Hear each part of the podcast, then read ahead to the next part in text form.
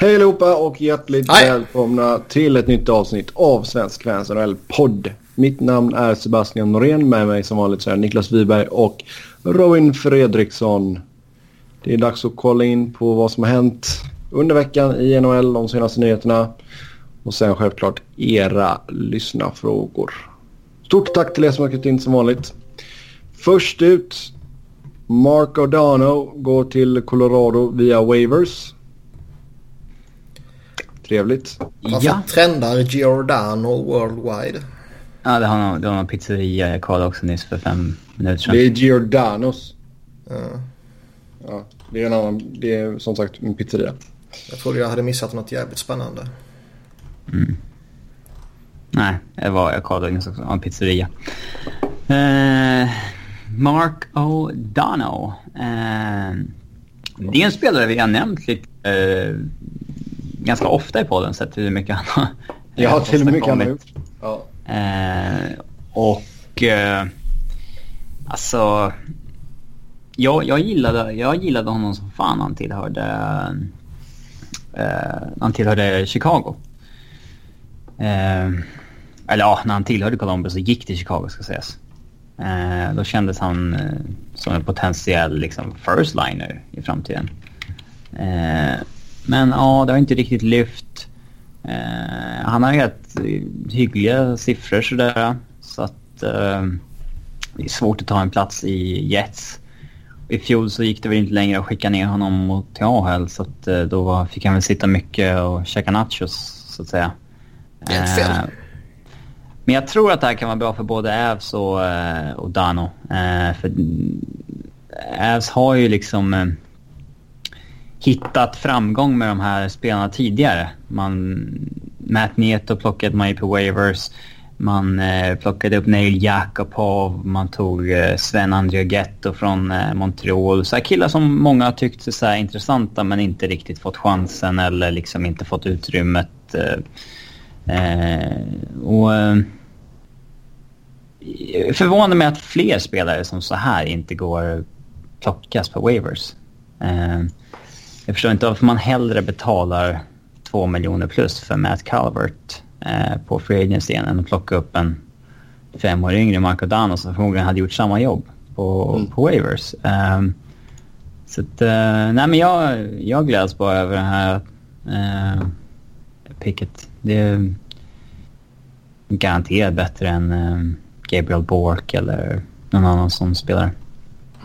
Ja, eh, en annan spelare som blev upplockad på waivers var ju Jacob Delarose som blev eh, uppsnappad av Detroit. Hmm. Ja, jag sätter Svesjnikov. Uh. Alltså, ja. Men han är väl också lite som Dano. Det är väl en användbar uh, ung spelare i så fall. Uh, som uh, kanske inte har hypats till den nivån han gjorde för några år sedan. Förutom av en svensk journalist kanske. Han krigar i alla fall för sin plats i NHL till skillnad från uh, vissa som bara sitter hemma och glassar. Mm. mm. Det är ett skämt alltså ska jag tillägga för de som inte fattar det. Mm. Sebbe? Jag tyckte bara inte att det var roligt skämt. Jag tänker inte garva bara för att du drar ett skämt. Det måste ju upp på någon form av nivå. Ja, det måste vara någon sån här ordvits för att en göteborgare ska... Varför det? Exakt. Man, man, kan bara... Alltså man, man, kan ju skratta åt liksom förhållandets och... skull. Ja. ja. Men alltså... Det där är en ung spelare som har liksom um, bra skolning och arbetsmoral och så vidare. Så där 23 år gammal har 120 matcher på sitt CV och Detroit har en obefintlig svag forwardsida. Det, det finns ju ingen direkt höjd i Dedaros att hoppas på men eh, han kan absolut bli en ny eh, alltså Glenn Denning eller liksom någon... Det känns ju som att högsta nivån är ju väldigt låg men lägsta nivån är nog inte kaosartat låg direkt.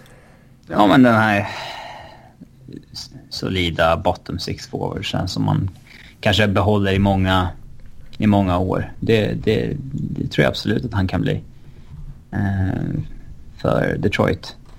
Eh, nu är ju inte Detroit det de en gång var, så det är inte, där, inte direkt det här samma. En ung svensk kommer in i Detroit, Zetterberg finns där, Lidström finns där, Holmström finns där, Franzén. Alltså det, Kronvall, den skolningen liksom... Det är väl inte samma sak att komma dit som ung svensk idag. Eh, men det är ju... Rent sportsligt så finns det ju nog lättare att ta en plats, kan man lugnt säga. Mm. Nu kan vi börja tycka om Montreal också. Helt sjukt. Man slog upp Detroits uh, cap-friendly-sida nu också. Att, uh, de har liksom åtta forwards som de betalar över tre mille. Och då är inte Franzén och Zetterberg medräknade som är på long term injury reserve. Nej. Åtta forwards. Kan du nämna dem på rak arm Sebbe? Uh, nu har jag sidan uppe. Aha.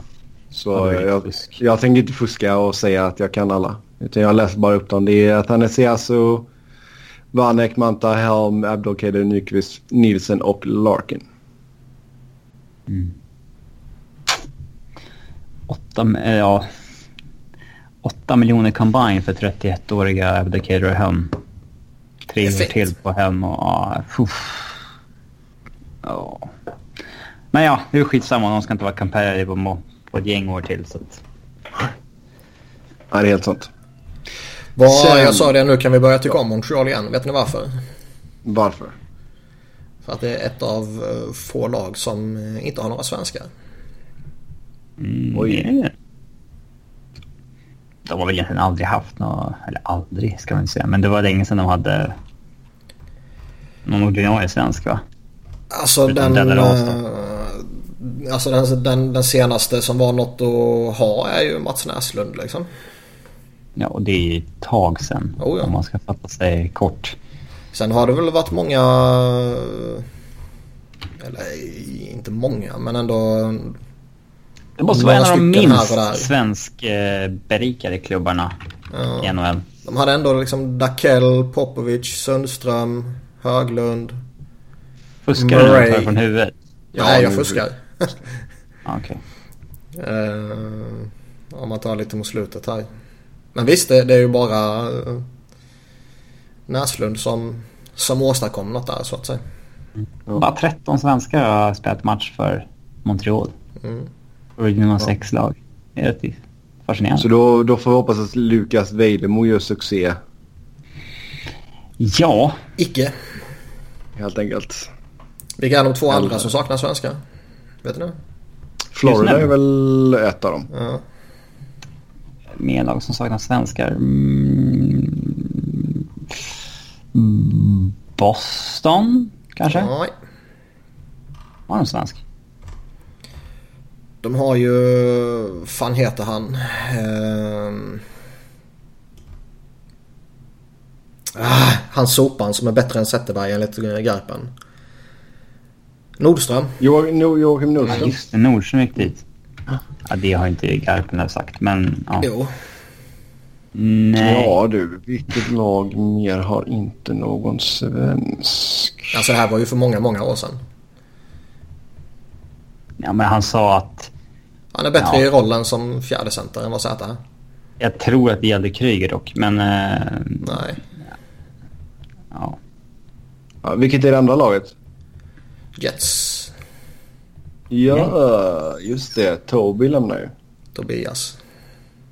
Toby. Vad heter han här hemma? Har han fortsatt gå med Toby? Vet ni det? Ja, jag tror det är Tobias. Tobias Enström, ja. ja. Men då får ju Dennis Everberg eh, kliva fram då, med andra ord. Det... ja. Det var Danny Breer som gjorde samma sak va? Han hette Danny när han var i USA men Daniel när han var i Kanada. Mm. Bytte han liksom tillbaka till Daniel när ja. det var ja, dags. Ja. ja. Yes, yes, yes. Uh, Jake Dotchin har skrivit på för Anaheim ett år och satte sig på waivers. Ja, vad, vad är det som händer med själva processen? Har... Alltså hur mycket kroppsfett har han nu? Det är ju det vi vill veta. ja. ja, mindre än 25 hoppas jag. Men har ligan gått med på att häva hans kontrakt? Det förra och... Ja, det här är ju ett nytt kontrakt ju. Ja. Okay. Och det förra var ju på eh, drygt 800 och det här var på 800 exakt. Um, Så nu ska han gå på waivers och passerar han waivers så är han deras spelare imorgon. Ja. Vad alla väl gå igenom va? Ja, annars hade väl... Det känns så. Det känns som att de gör upp sånt här när de gör sånt här. Förutom när Nabokov signade med Detroit och Islanders tog honom. Mm. Men det var ju, det var ju typ innan WhatsApp fanns. Ja. ja. men det känns som att... Då var de tvungna att faxa till varandra. För annars det måste de i och för sig fortfarande, den jävla dinosaurieligan. Annars så känns det ju bara som att om det blir ett stalemate där ingen vågar signa för att någon annan kommer claima. Alltså... Ja. Mm. Väntar alla på att någon annan ska signa först och de kan claima. Så det känns som att man ger upp sånt här lite gentlemen's agreement. Ja, lite som offer sheets. Alltså det är ju, inte, det är ju en väldigt intressant situation med tanke på vad som hände med Dotchin nu i somras då. Alltså det kan ju vara lite sån här potential för lite sneaky smart move. Ja, alltså. Det, han var en helt okej okay spelare i fjol liksom. Vi pratar inte om en toppspelare som blev tjock. Utan det var en okej okay spelare. Jo, jo. Ja. Men uh, han hade ändå uh, spelat mycket med Hedman. Hade fina siffror jämte Hedman. Så det är ju ingen som... Uh, det är ingen skitspelare sådär. Sen vet man alltså... Det har ju snackats lite om honom redan innan han blev tjock liksom. Jag minns dock inte vad det var. Om det var att han har kommit otränade tidigare eller om det var en attityd eller något sånt där skit. Det minns jag inte. Men, men något jävelskap har det pratats om honom tidigare. Så det kanske går två veckor och sen så eh, terminatar de kontraktet liksom.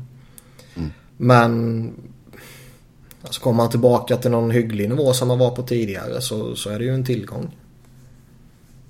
Sen är det ingen Gammal klassisk nej, första alltså, back direkt. Långt ifrån det. Nej, Men ändå. Vad har de på högersidan?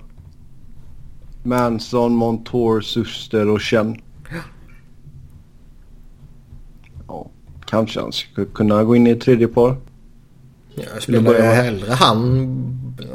Ja, beroende givetvis på vilken form han kommer i. Än uh, typ Suster liksom. Ja. Ja, intressant. Vi får se om man går igenom helt enkelt. Brady Kachuk borta en månad. Vad är det för skada? Ja, knä har jag för mig. Lower body då? Mm.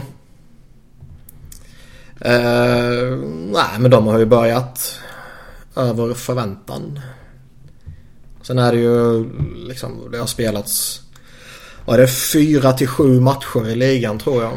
Och uh, det betyder ju inte ett skit den lilla sample sizen. Så. Vilket lag som helst kan gå jättebra över en handfull matcher. Vilket lag som helst kan gå oerhört uselt över lika många matcher utan att det egentligen betyder någonting. Men det är klart ja, att Ottawa har börjat över förväntan. Ja, det är klart de har gjort. Man får väl... Det är väl först runt 20 matcher, 20-25 som vi kan börja säga någonting ordentligt kan jag tycka. Man kan ju säga saker redan nu. Man, kom, man vet ju att Detroit kommer fortsätta suga liksom. Jo. Ja, alltså jag har svårt att se att de ska vända på det. Ja. Men som vi sa innan säsongen också så att något av de här förväntade soplagen kommer överraska och ha en PDO Bender-säsong liksom. Mm. Ja. Det, det händer ju. Det, det kan absolut vara... Det kan vara Vancouver, det kan vara Ottawa. Det, att de får en bra start är ju positivt för dem såklart. Men eh, jag har svårt att se att eh, alltså, någon av dem, alltså att alla är, hänger kvar där uppe. Nej. Det, Nej, det är helt sant. Ja, när vi är så inne på skador så eh, Paul Stastny borta två månader för Golden Knights. Penguins tappar eh, Justin Schultz i fyra månader. Eh, och sen eh, Evgenij Sveshnikov borta fem till sex månader.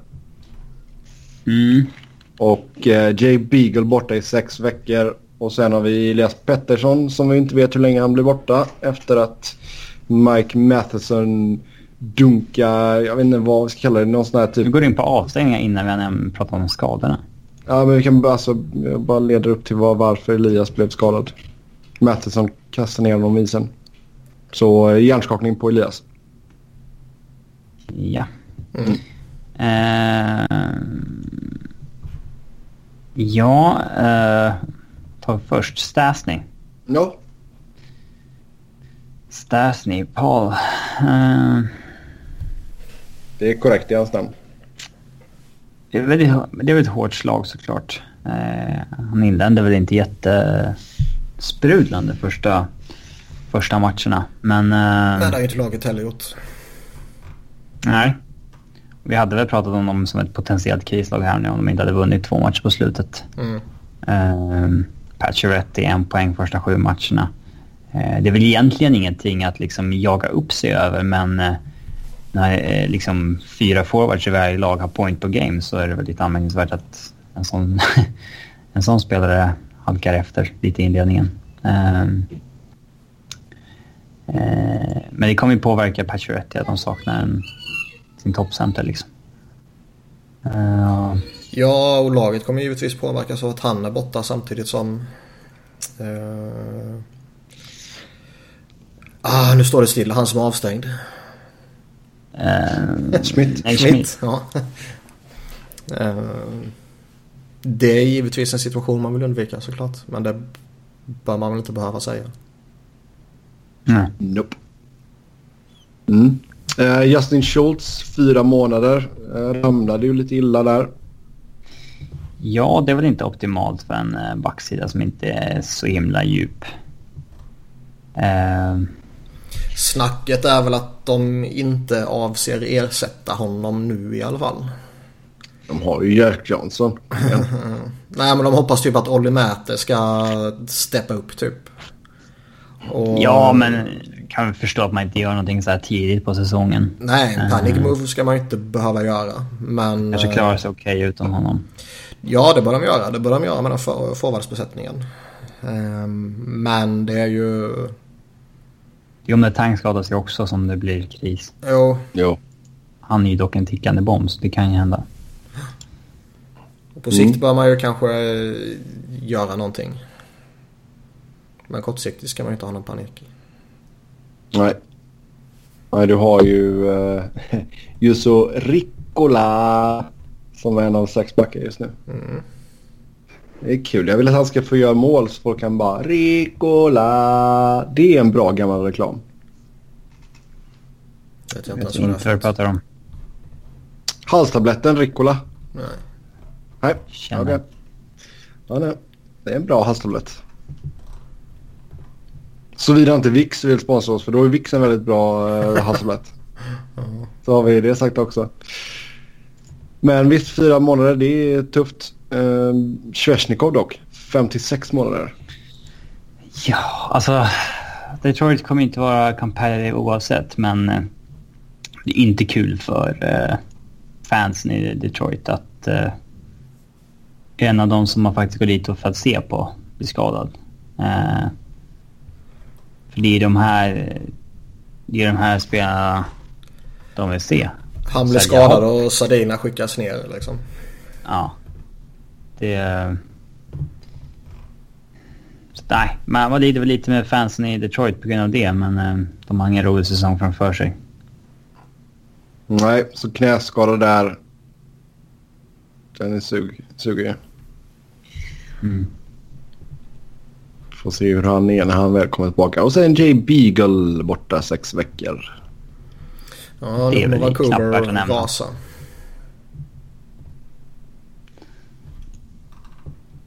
Mm. Ja, det är väl inte så, det är väl inte jättevärt att nämna kanske. Jay Nej. Beagle. Men... Mm. Elias Pettersson då? Ja, eh, det är ju alltid trist när en ung spelare blir skadad. Det är framförallt när det gäller en huvudskada och sådär. Man vet inte. Det kan ju vara allt från... Ja, det är alltid allvarligt liksom. Eh, sen graden av det är svårt att eh, bedöma men eh, situationen med Matheson... Eh, ja, vad säger vi om den? Jag är så jävla tudelad till den. Alltså, jag också. Jag har lite svårt att bestämma mig. Jag har lite svårt... Uh, jag tycker att det är lite så att... Å alltså, ena sidan så det är ju inte mer än en vanlig tvåa egentligen. Alltså, alltså tack, tacklingen, tacklingen säger ju ingenting. Den, den är ju, alltså, man har ju sett i sådana lägen där, där spelare liksom ska eh, gå efter någon av någon anledning i ett sånt läge där man verkligen dundrar in huvudet i, i plexit eller någonting. Men här suger han ju upp honom mot sargen på, på ett fair sätt liksom. Mm. Tacklingen är inga problem men det är just den här liksom vad ska man, kastet som man gör sen. Men jag vet inte fan vad jag ska tycka om det heller. Alltså, Nej, det är alltså, fult är det. Det är fult. Det är riktigt fult. Ja, alltså inte. Eh, ligan går ju mer och mer mot att eh, vi uppskattar skillade spelare och sånt där. Men det här elementet av att man, om man liksom är så pass tunn som Elias är. Vi, vi kommer aldrig kunna få bort det där då att fysiska spelare kommer vilja så plocka bort en sån kille ur matchen om man kan med fysik. Alltså, det, den delen av sporten tycker jag inte ska bort heller. Liksom, kan... Eh,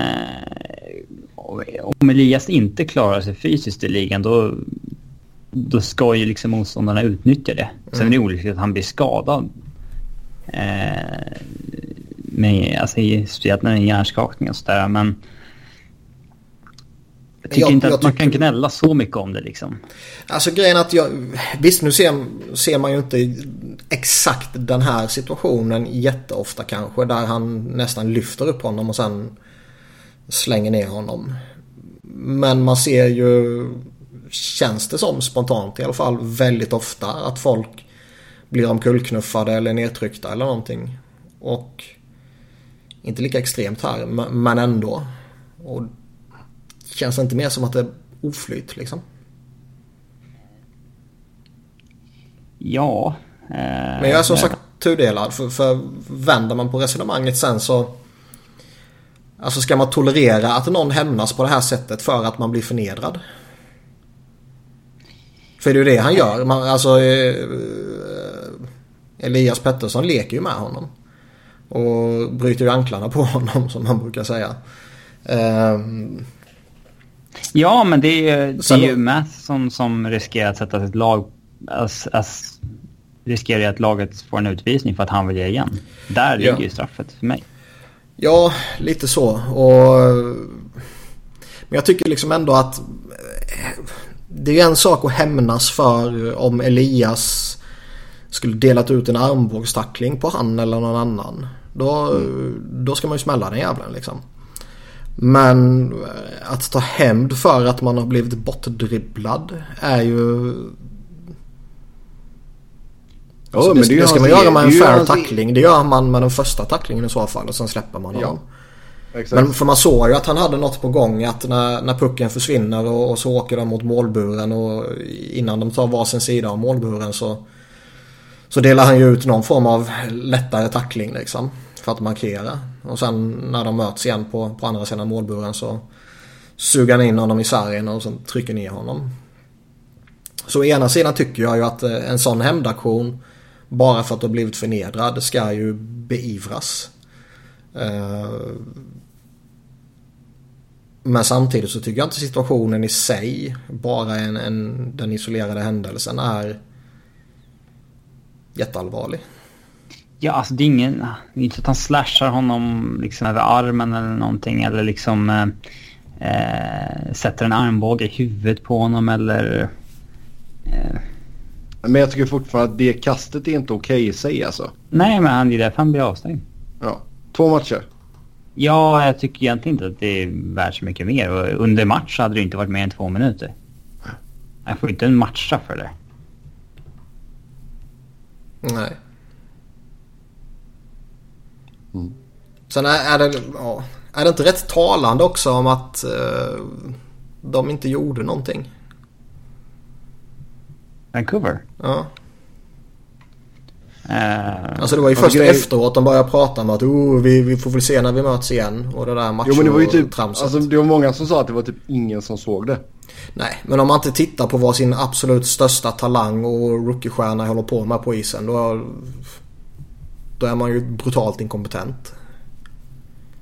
Sen är det inte så att när spelet pågår att man ska sluta spela och titta på vad Elias Pettersson gör. Men för fan att folk ser det.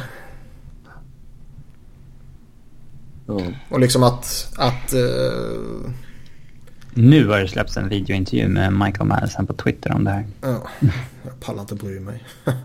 men, men det var väl som någon tweetade och som jag retweetade lite så här att han känner sig trygg i att göra det här och han utför det här och eh, det tyder väl kanske på att det här att eh, man ska signa veteraner och, och slagskämpar för att skydda kidsen eller stjärnorna är liksom meningslöst.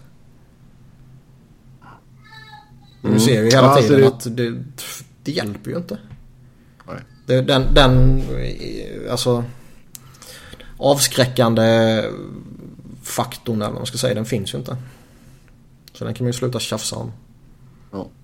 ja det fanns ju lite, kom ju ut lite olika opinions om det här efteråt såklart. Uh, Brad May tyckte ju att det var en bra läxa för Elias detta. Ja det är en konstig jävla åsikt tycker jag.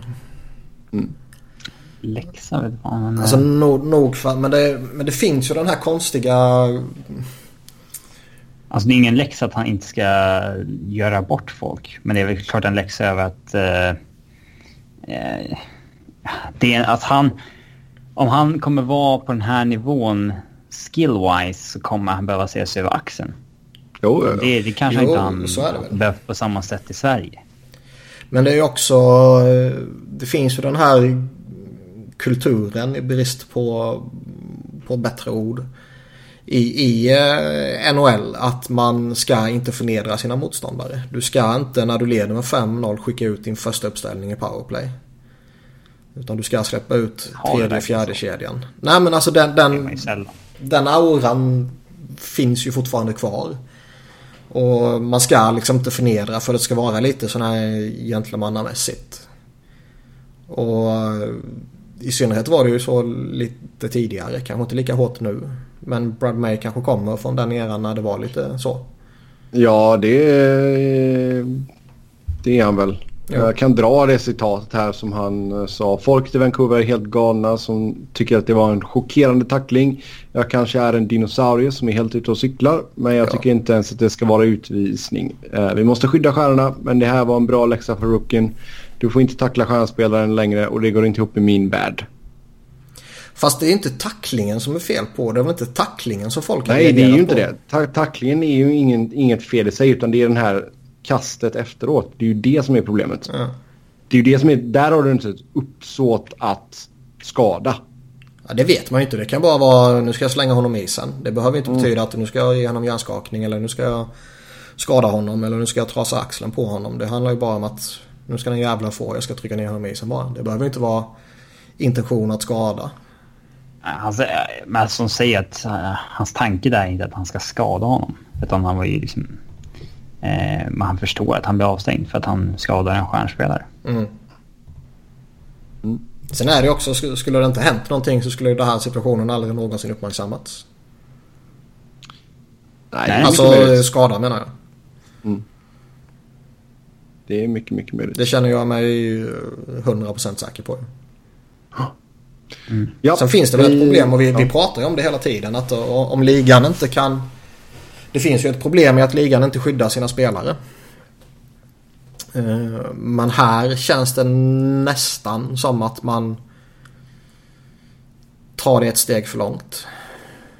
Jag vet inte. Jag tycker det är, jag tycker det är en jättesvår situation.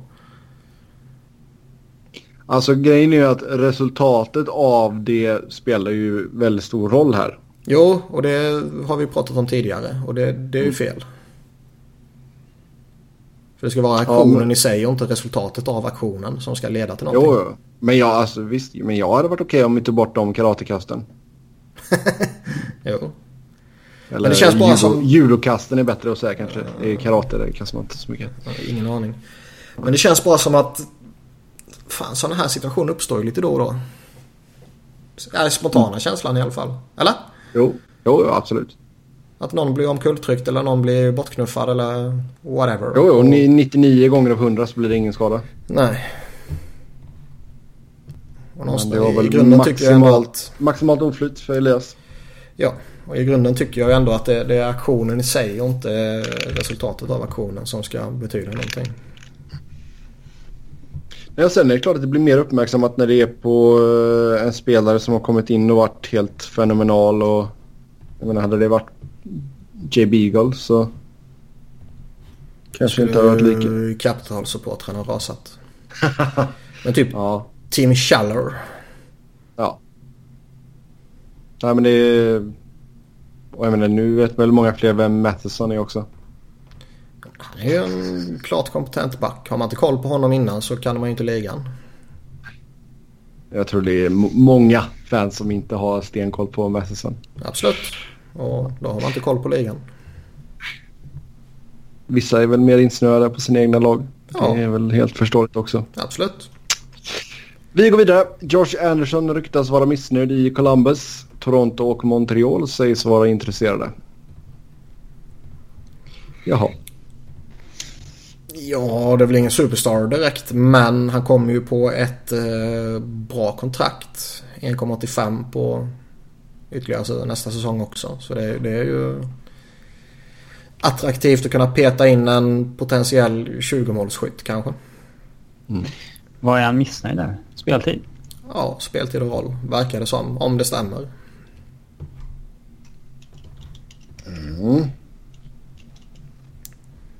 Men eh, det är väl ingen som man gråter floder över om man skulle tappa honom.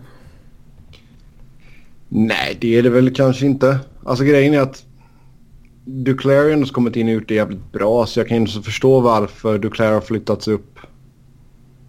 Men det är Eh, liksom han- ändå, han spelar typ med Boone Jenner och Riley Nash. Det är ju inte pissuselt direkt. Nej, det är klart inte. Han gjort tre mål på fem matcher alltså. Men... eh, mm. Nej, vi får se. Det är inte det största problemet Columbus har just nu.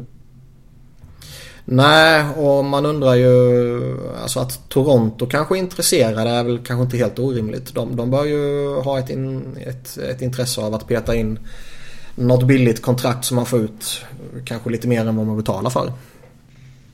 Eh, Montreal känns lite udda dock. Ja. Nej, det är helt sant. Så Nylander mot Josh Anderson alltså. Okej, okej. Nick Shore signat till KHL. Kul för honom. Lite förvånande ändå att han inte fick ett NHL-jobb tycker jag. Han är inte fantastisk på något sätt men fan han borde kunna ha, få ett NHL-jobb tycker jag. Han kanske... Hade för höga Får- krav eller något? Ja, för höga krav. Ja. Nu kommer han Jo. få en fin, fin roll i KHL. Tjänar fortfarande bra med pengar. Så det kan nog vara kul. Roligt äventyr. Alexej Ja, inte. Emelin. Jo då, det kan nog vara roligt. Mm, eller inte. Jag har inte haft någonting emot KHL. Vad kul. Eh, inte. Alexej... Jo, Alexej Emelin ska ha tackat nej till Washington då han ville ha mer än ett år. Han drar inte in... Nu har han ju signat i KHL så det är ingen spelare som är tillgänglig. Men... Eh, vad har man för jävla självbild liksom? Ja, men han kommer ju från ett stort kontrakt. Eh, hade väl förmodligen en skev bild av att han faktiskt var värd det. Han, men han var ju en av NHLs mer överbetalda spelare på det. Jo. Det var han. Eh, men det är ju många som... Det är förmodligen inte så många som gör intervjuer och pratar om det men eh, jag minns ju själv vad... Eh, Douglas Murray var ju ganska vokal när han skulle ut på Free Agency. Då sa han ju liksom att eh, eh, man får inte acceptera några billiga kontrakt för då kommer man behandla det billigt. Och man ska inte acceptera PTO för de vill bara utnyttja att man spelar matcher för dem på försäsongen. Liksom. Utan man, man ska ställa höga krav och så fick jag inget kontrakt. Fast att man skippar PTOs som, som veteran. Det, det kan jag ha förståelse för. Ja, men det säger man, alltså det är nog många som inte riktigt fattar vad de, att deras värde har sjunkit. Ja men vad... Då får du en byta agent ju. Ja, men alltså Douglas Murray fattade ju där då inte att PTO är kanske din enda chans att visa att du ska ha ett jobb igen. Nej nej, jag eh, fattar ju vad du är inne på. Jag håller ju med dig. Men... men jag tror det kan vara samma fortfarande chockerad av att det fall och i händer. Shores fall och i... Ja. Där var det inte mycket kroppsvett där På vem? på Murray. Nej, kanske inte. För mig att det skrevs inte någonting om det, att han var helt grymt eh, fit. Det vet fan. Ingen jävla aning. Jag tror det. Jag tror det. Eh, men men. Rykten går att Rick Nash så småningom ska träna med Toronto Marlies och spela för Leafs. Ja. Hur seriöst rykte var det? Var inte det något, så här, något som sköts ner direkt? Eller Det var ju? Carlo Koliakovo, den gamla backen som typ frågade Bob McKenzie om det här ryktet. Och Bob Frågade typ liksom, ja men han måste ju bli frisk först. Mm. Men eh, min tolkning är ju att han inte liksom förnekade det potentiella ryktet. Utan mer bara, ja men han måste ju bli frisk först. Ja. Och nu verkar det ju som att han, eh, han snackade ju var det i veckan eller var det förra veckan? Jag minns inte. Men om det var Rick Nash själv eller om det var hans agent. Det minns jag inte. Men typ att nej, men det, ingenting har förändrats sen i somras. Vi, vi avvaktar fortfarande typ. Eh, Så vi får se. Det kan ju bli en, en, en intressant dragkamp kring honom eh, senare under säsongen. Mm. Då kommer han tillbaka och är frisk och allt sånt där så det är klart han är en tillgång. Mm. Borde inte fler spelare veteraner göra så kanske? Vänta lite in i säsongen och sen de här ändå som har en hygglig pedigree och jagar den där Stanley Cup-ringen. Ja, som Mats Sundin. Ja exakt, det var ju Sudin var ju typ senast. Det gick jättebra. se. Nej, det är ju inte direkt lätt att hitta den som vinner. Men alltså... Ja. Fast vi, vi pratar ju lite då och då liksom varför vilar inte veteraner från någon match här och där. Men det finns Ja. ju inte heller i, i typ tankesättet. Kulturen. Ja. Det är en kulturgrej. Och... eh, kanske jag måste tror- man jag- ha en viss eh, stjärnstatus för att kunna göra en sån här sak. Ja, jag tänkte säga det. Du måste nog ha ganska mycket pull alltså. Att man kan bestämma sig för att nej men jag kommer vila nu några månader och sen eh, efter årsskiftet eller vad man nu kan hitta på så då kör jag. Men vi har sett en del spelare i Sverige som har gjort så. Jimmy Ja. Eriksson till exempel. ehm, ja, han gick ju i pension. För kroppen inte höll. Han sa att eh, ja, jag ska fokusera på att eh, inte ha ont i vardagen bara liksom. Mm. Gick ett halvår. Signade med Skellefteå igen. Sen resignade han igen. Och liksom, nej. Det verkar vara en bra idé att låta kroppen vila ett halvår extra ibland. Jo. Man såg ju vilken jävla effekt Foppa fick. Han var ju hygglig efter. Sin, eh, sitt uppehåll där han vilade en hel säsong. Ja. Teemu Selänne. Ja, han har väl också sagt att han inte hade hållit på så länge om det inte var för att han fick det där breaket 04-05. Nej, exakt. Knäna var rätt kö- körda. Mm. Över till Chicago där Brennan Saad har hamnat långt ner på eh, Blackhawks depth chart och varit utanför laget på träning. Det är ju ändå fascinerande. Alltså sicken trade. ja, visst är den fantastisk. Alltså det är helt sjukt. Du ger upp Panarin för att få tillbaka Saad för att liksom... Om man gör det för att Kane och Toews vill ha tillbaka sin polare. Ja. Och så är han så klappkass verkligen. Alltså han är ju bra. Så här, så här illa kan det inte vara. Att han inte skulle... Man undrar alltså, det måste ligga någonting bakom. Men förmodligen så är han väl... De är missnöjda med att han inte var bra i fjol. De tycker att han har inte börjat jättebra i år. Det är liksom send a message-grejen. Jo. Och tror att hans liksom... eh, Det handlar Ja, egentligen om bara att få flyt med sig. Att liksom det ska gå stolpe in istället för stolpe ut. Och Ja. Nej, känns, alltså, det, känns, ju, luktar dåligt ledarskap tycker jag. det är ju alldeles för tidigt för honom att gå ner sig. Killen är 25 liksom. Men ändå coach Q. Ja, men är, är han fortfarande bra? Ja. Alltså det, det är ju inte... Det är inte Carlisle. Anaheim går ju skitbra under jättesvåra förutsättningar. Alltså. Men nej men alltså han... Det, det är inte hans fel att rosten ser ut som den gör. Nej, det är klart inte. Och han har ju... Och det är ju det han har att jobba med. Så han kan inte göra mycket åt det. Eh, I synnerhet inte om man tittar på Crawfords skadeproblem och hela det köret också. Men... Eh, det är klart han fortfarande är jätteduktig tycker jag. Solid målvaktsduo just nu, Ken Ward och Anton Forsberg. Mm. Uh, Crawford skulle spela ikväll va? Ja, jag läste något om att han var på väg tillbaka i alla fall. Men jag har inte sett att han skulle spela. jag läste det på Twitter. Ja, ja då stämmer det då. Mm. Hawks då? Har vi underskattat dem? Nej. Nej. Nej, nej. Vilket lag som helst kan pika under några matcher. Det är inte mer anmärkningsvärt än så. Det är klart att... Äh, alltså om Taves och Kane når nivån de har i sig så kan de ju bära ett lag till slutspel i alla fall. Ja, ja i synnerhet om Crawford kommer tillbaka också. Nyckeln är att få igång Taves igen och han har ju inlett strålande. Mm. Ska vi ta, uh, vi tar och bakar in en uh, lyssnarfråga här. Är det, är det denna säsong som Taves äntligen får sitt erkännande som en MVP? Jag hoppas och jag tror att den här frågan är lite sådär småironiskt ställd. ja, glimt i ögat. Ja. Um...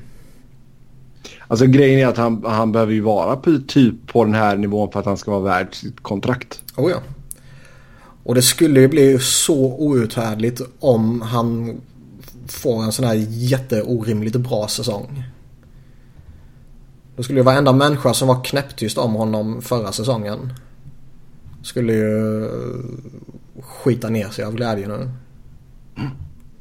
Ja, men det är väl på tiden att han studsar tillbaka. Han är ju inte lastgammal. Um... Nej, men uh, han har aldrig varit så bra som hans rykte har sagt att han har varit. Nej, det... Vi störde väl oss framförallt på att han... Um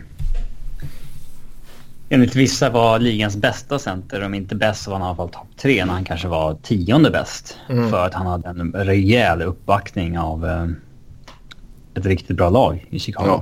Ja. Eh, det var väl den grejen det handlade om. Det är klart att han fortfarande är tionde, femtonde bästa center i NHL. Eh, någonstans där. Men... Eh, Jo men för de pengarna han sitter på så ska han ju ligga på... Uh... Ja men ja absolut men varje... Varje diskussion kan ju inte bara handla om vad han tjänar mot vad han producerar. Nej absolut inte.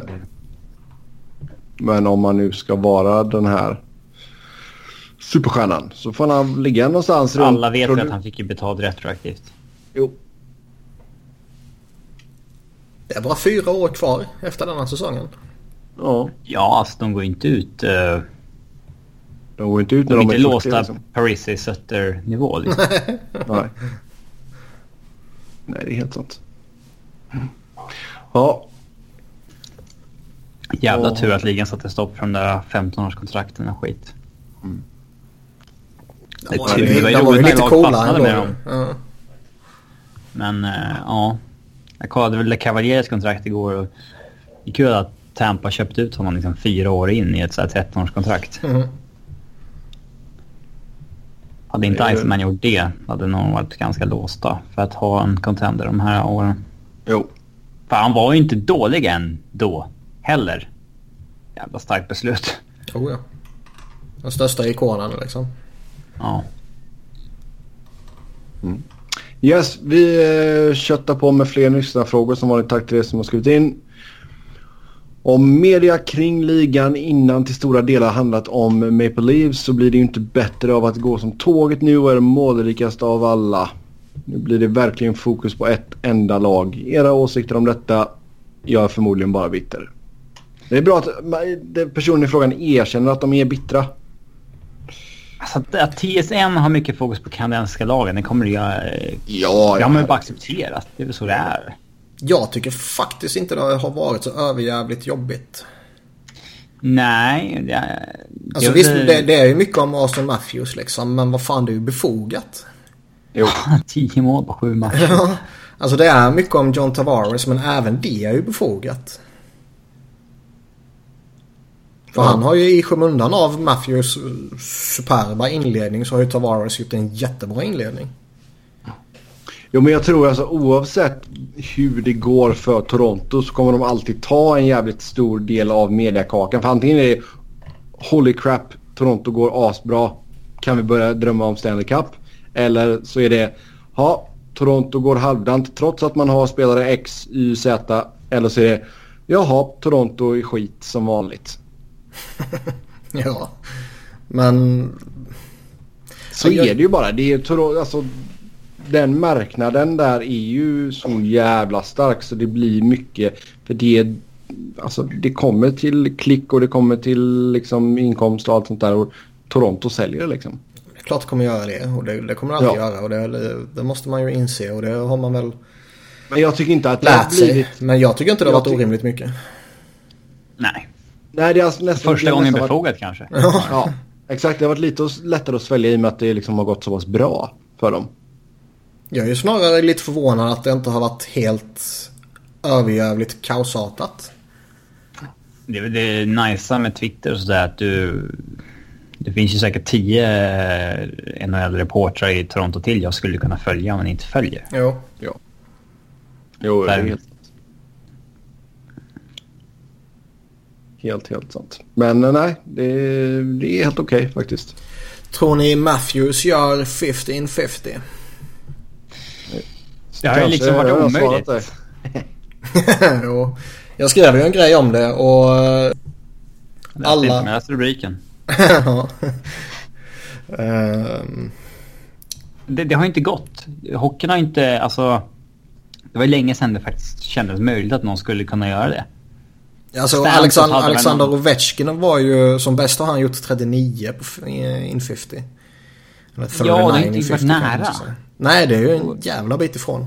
Stamkos inledde väl någon säsong för 6, 7, 8 år sedan med att liksom göra 20 på 20 eller någonting. Men det har ju skett lite då. Crosby har gjort det och... och eh, vem var det mer? Det var... Alltså, Ovechkin, eh, Ovechkin då såklart. Simon Gagné gjorde det. Den, den eh, sjuka säsongen när, när Foppa gav honom alla målen. Då gjorde han ju typ 23 mål på de 20 första eller på de 25 första eller något sånt där. Men det går inte med 50 alltså att hålla det. Det ska... Det, det Nej, går Ovechkin har ju själv varit ute och snackat om att äh, men det, det går inte i dagens liga. Det, det är helt omöjligt. Mm. Det Men coolt. samma sak sa man ju innan det rasslade till under 80-talet med några stycken. Mm. Maurice Richard gjorde det ju 45 när han gjorde 50 mål på eh, 50 matcher när säsongen var 50 matcher då. Mm. Och det var, ansågs ju vara en, en omöjlig eh, bedrift att upprepa fram till Gretzky, Gretzky och 39 Bossy matcher. och Lemieux gjorde det. Ja. Ja. Men... eh, Och vi ser ju en lite, alltså vi ser ju en ökad målproduktion. Mm. Ja, verkligen. Satan. Det, fan, det är så, så jäkla många spelare som typ ligger på två poäng per match hittills. Mm. Det är nej, inte två poäng, men alltså en bra bit över en. Och det är liksom inga stjärnspelare heller. Ja. Nej, det blir intressant. Men ja, alltså det hade varit coolt ifall han kunde göra det. Det, det är ju sjukt osannolikt. Eh, Ja. Han har skjutit 45% typ hittills. Och brukar ligga, eller tidigare har han legat på 14 och 18. Och typ Kerfoot och, och Karlsson la ju sig på helt orimligt höga nivåer när de låg på 23 förra året. Men liksom... Han skjuter inte mer än han gjort tidigare heller utan han ligger på samma, samma nivå liksom. Ja, jag orkar inte räkna på det, men om vi säger att Ovechkin skjuter exakt lika mycket som han normalt sett gör på 50 matcher. Jag vet inte, vi säger att han snittar fem skott mot, på, mål per match. Eh, det vet jag inte om han gör, men om han gör det i 50 matcher och skjuter han alltså 250 skott, då behöver han ha... Eh, ja, vad blir det? 20 procent Mm. i eh, effektivitet. För att, och det, det, Matthews Det är skjuter väl- liksom strax över tre skott per match. ja. Det känns otroligt att det ska, ska gå att göra över sån, så långa, lång period. Men som sagt, det hade varit coolt. Han är redan en femtedel på vägen. Mm. Nästa fråga Han här. får inte bli skadad heller. Ja. Det ska ju vara de första fem, mat- 50 matcherna för laget. Sen, sen är det ju alltså man, man glömmer ju lätt att visst Matthews står ut jättemycket. Men typ McKinnon har ju inlett i ett rasande jävla tempo i sitt målskytte. Och David Pasternak har gjort samma sak. Ja, McKinnon slog franchise-rekord. Jo. Mål i första sex matcherna. Så ger det Inte 10 hänt. matcher till Alltså- sen är det kanske McKinnon vi pratar om för 15-50 istället för Matthews. Ja, eller Carl Palmieri. Ja. Han är bäst nytt hittills. Nej, McKinnon alltså. Jag fick ju se dem här, här om veckan. Jävlar vad bra han är alltså. Det är också en sån spelare som man verkligen uppskattar lite extra när man ser honom live. Precis som McDavid. Mm. Eh, fan vilka händer han har. Vilka tre lag har de sämsta trupperna? Sämst trupperna? Um, Detroit. Det här är ju bland det svåraste man kan göra förut. Att lista vilka som har bäst. Så, Alltså, Jo, jo. Men främst trupp. Detroit är vi överens om nu. Sen om det är sämst eller om det är näst sämst. Det är... Ja, det är ingen inbördes ranking här utan bara tre, de tre sämsta. De får vara i en grupp. Eh, köttar man in Vancouver där också. Mm, De har ju, alltså Elias Pettersson är ju bra och Bo Horvath och sådär är ju bra. Och Tanev är bra men i övrigt är det ju inte mycket. Hur... Är Ottawa där nere eller är det liksom... Har Chabot och White några stukat ut lite för mycket och höjt deras trupp anseende en aning? Fast vilka skulle de peta ner? Uh, Framförallt är Duchene och Stone kvar. jo. Men vilka skulle man peta ner? Är det Arizona man, som ska vara aktuell där? När vi, Nej, alltså de har ju för, bra trupp tycker jag. för en vecka eller två sedan satt och snackade om att de har typ bäst backbesättning. Eh, Ja. Plus att de har Antiranta som eh, mm. för många håller som en supermålvakt. Mm. Eh, så att nej, alltså Arizona tycker jag inte ska nämnas bland sämst trupp. Inte ens i närheten. Eh, Edmonton. Alltså är man galen när man säger Vegas? det är ju liksom fortfarande inte så... Alltså tittar man bara på deras topp 6 så tycker jag det ändå är... eh, Nu har de ju stärkt i år nu med Stasny och Pacioretty Ja. och så vidare. Ja, men ja. Men visst, jag, jag hör vad du säger jag protesterar inte. Jag hör vad du säger, men du har fel. Buffalo. Jag tycker ändå de har rätt många intressanta forwards. Har ni hunnit se något Dahlin? Ja. Jo. Verdict? Mer fascinerande att titta på Jack Eichel. Ja, Fascinerande. han har börjat bra. Ja. Ja. Jag får ju hå- hård... Eh, köra hård bevakning på Dalin här nu nästa lördag. Då ja. Det kan bli Buffalo kommer till Columbus. Mm. Vem ska jag kolla på på torsdag? Jag möter Philly. Ja, det är imorgon är det. Jag hade säkert kunnat nämna New Jersey här om det var innan säsongen, men det känns lite... lite fel att säga kanske när man inlett med 4 in 4. 4 in 4. Jo, men då är det kanske nästan lika fel att säga Vancouver. Mm. Ja, det är svårt helt enkelt. Så mycket det kan vi komma överens om. Med draft och lönetak så det, det skiljer väldigt lite mellan lagen. Mm. Hur få mål gör William Karlsson i år? Når han ens 20 baljer? Han har gjort ett mål på sju. Vi sa väl 16 och det var väl ganska rimligt.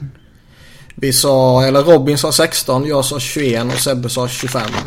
Ja, det är ju helt omöjligt. Och eh, vi kom aldrig fram till någon bestraffning. Nej. Jag skulle kört att han var närmare point per game istället. jag menar, på så sätt kan man inte säga att han liksom har inlett dåligt. Sju poäng på sju matcher. Nej, och första målet dröjde väl förra året också har jag för mig. Ja. Alltså att han ska göra poäng, det är väl inte så otroligt. Han har alltid varit en poängmaskin. Men han har bara varit målskytt en säsong i karriären. Det är det som är det intressanta. Ja. ja. Vi får se. Men som sagt, det tog väl eh, sex eller sju matcher förra säsongen också. Mm. Det vet jag inte. Har jag för mig. Eh, nästa här. Vill höra en rant. Så jag antar att den här är ställd till Niklas. Eh, vill höra en rant om den helt otroliga idiotin i Expressen. Hur ser ni på att tacklingar betyder mindre idag jämfört med 5-10 år sedan och bakåt? Närmar vi oss Erik Lindros dröm? Och varför kan inte Ovi bara lära Wilson hur man tacklar? Och det här är Lite ju... flera frågor igen. Ja, och sen refererar han ju till det som vi snackade om. Det du läste upp tidigare med Brad May och Pettersson och Ja. sådär. Eh, Ge mig en rant nu. 3, 2, 1, go. alltså vad, vad ska man vänta om? Alltså... Vi, vi, vi sa ju att Brad May var jävligt snett ute när han började snacka om tacklingen. För det är inte tacklingen som folk har reagerat på. Nej. Eh, vad jag uppfattade som i alla fall. Mm. Utan det mesta jag har sett är liksom att tacklingen är fair. Eller inte ful i alla fall. Nej. Och eh, att det är det efterföljande som är problemet. Eh, att tacklingar betyder mindre är väl ingenting jag lägger någon större värdering i så. Eh, Nej men jag tycker fortfarande, och jag menar det är fortfarande roligt för när vi, alltså, när vi får de här statssheeten mellan perioderna om man sitter uppe på pressläktaren. Tror fan att det står att ja, spelare X, han hade flest tacklingar med fyra tacklingar den här perioden. Man bara, ja grattis jo, och sen så Alltså det är ingen, det, tittar jag man tycker på... inte att det är en bra statistik. Alltså, visst, det, det är alltid häftigt att se en, eh, en saftig open ice hit liksom. Ja, det är klart Men- tacklingar spelar ju en del i spelet men Jo, men jag tycker ändå alltså, jag tittar ju inte på en hockeymatch för att se tacklingar. nej. Jag vill se schysst lir och mål. Du tittar inte på motorsport för att se krascher? Jo, det gör jag. Okej. Det är den, enda anledningen, det är den enda anledningen till att man tittar på Nascar eller Formel 1 eller vad fan det skulle vara. Det är inte kul att se folk som bara åker bil. Nej. ja, men typ Formel 1. Jag fattar inte hur folk pallar sitta och titta på ett lopp i sju och en halv timme. Starten Ja, kan, kan vara lite vara- kan häftig. vara nice. Eh, där kan det hända lite saker. Målgången om, om det är uh, sputt eller vad fan man ska kalla det kan vara lite häftig. uh, krascherna kan vara helt episka ju. Sen vill de ju inte att någon ska dö såklart. Men Men Det är som när farsan sitter och kollar på Vasaloppet också. Ser man vad fan... Ja, du kan ju kolla på upploppet kanske. Ja. Eller liksom Tour de France. Titta på spotten på kvällen och så ser du kraschen. Det är allt som är, och eventuell sputt.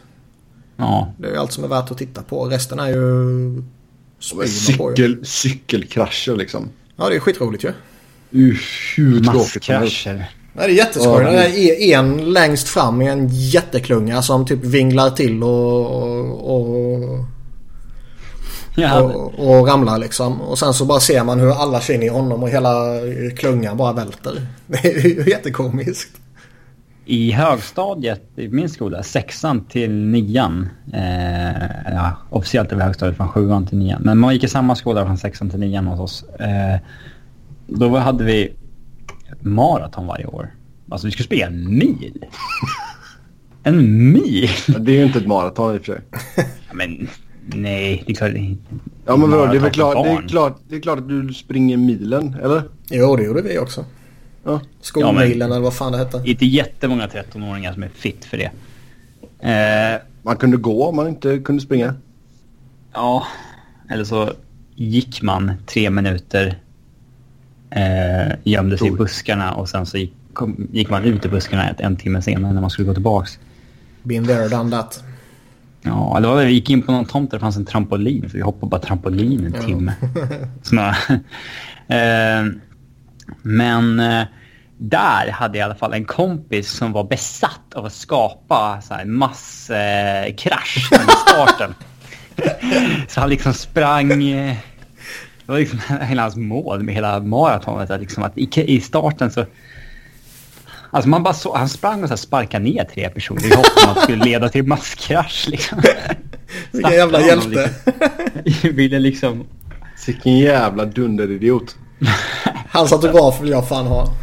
Herrejävlar. Ja. Det vart ingen matchkrasch, bara att han sparkade ner liksom en person i taget.